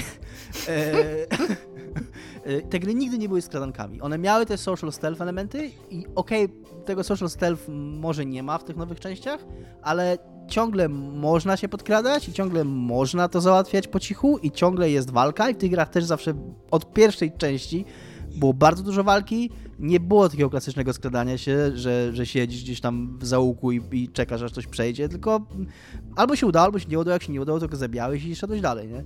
Więc y, ja trochę nie rozumiem tego, tego, tego gadania i nie lubię tego gadania.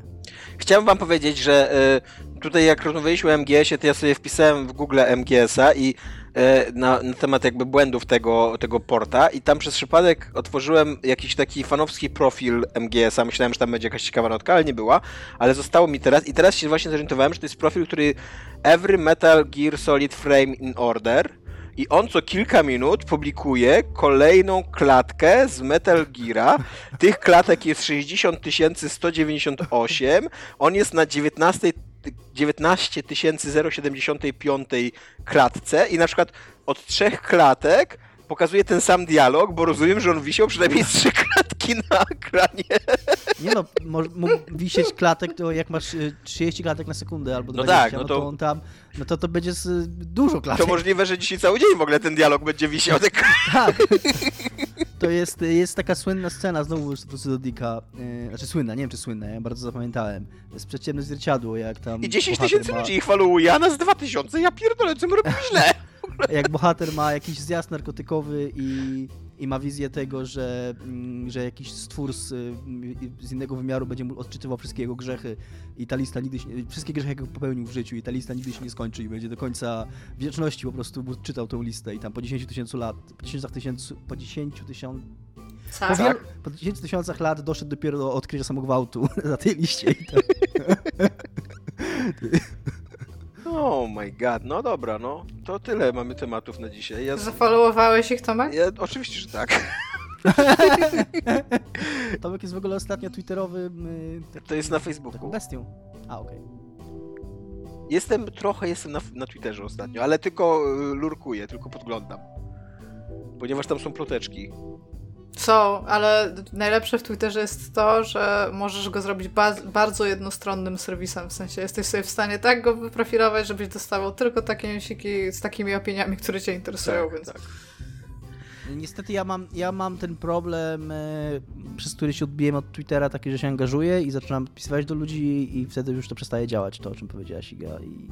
Więc to mi się przez jakiś czas podobało, a później wszedłem w jakiegoś jednego flame'a, drugiego flame'a i stwierdziłem, że Szkoda mi na to czasu i nerwów i się wpisałem. No dobra, to wszystko, co mieliśmy dla Was dzisiaj w tym wspaniałym podcaście. Żegnajcie, cześć, czołem. Pa. Cześć, żegnajcie.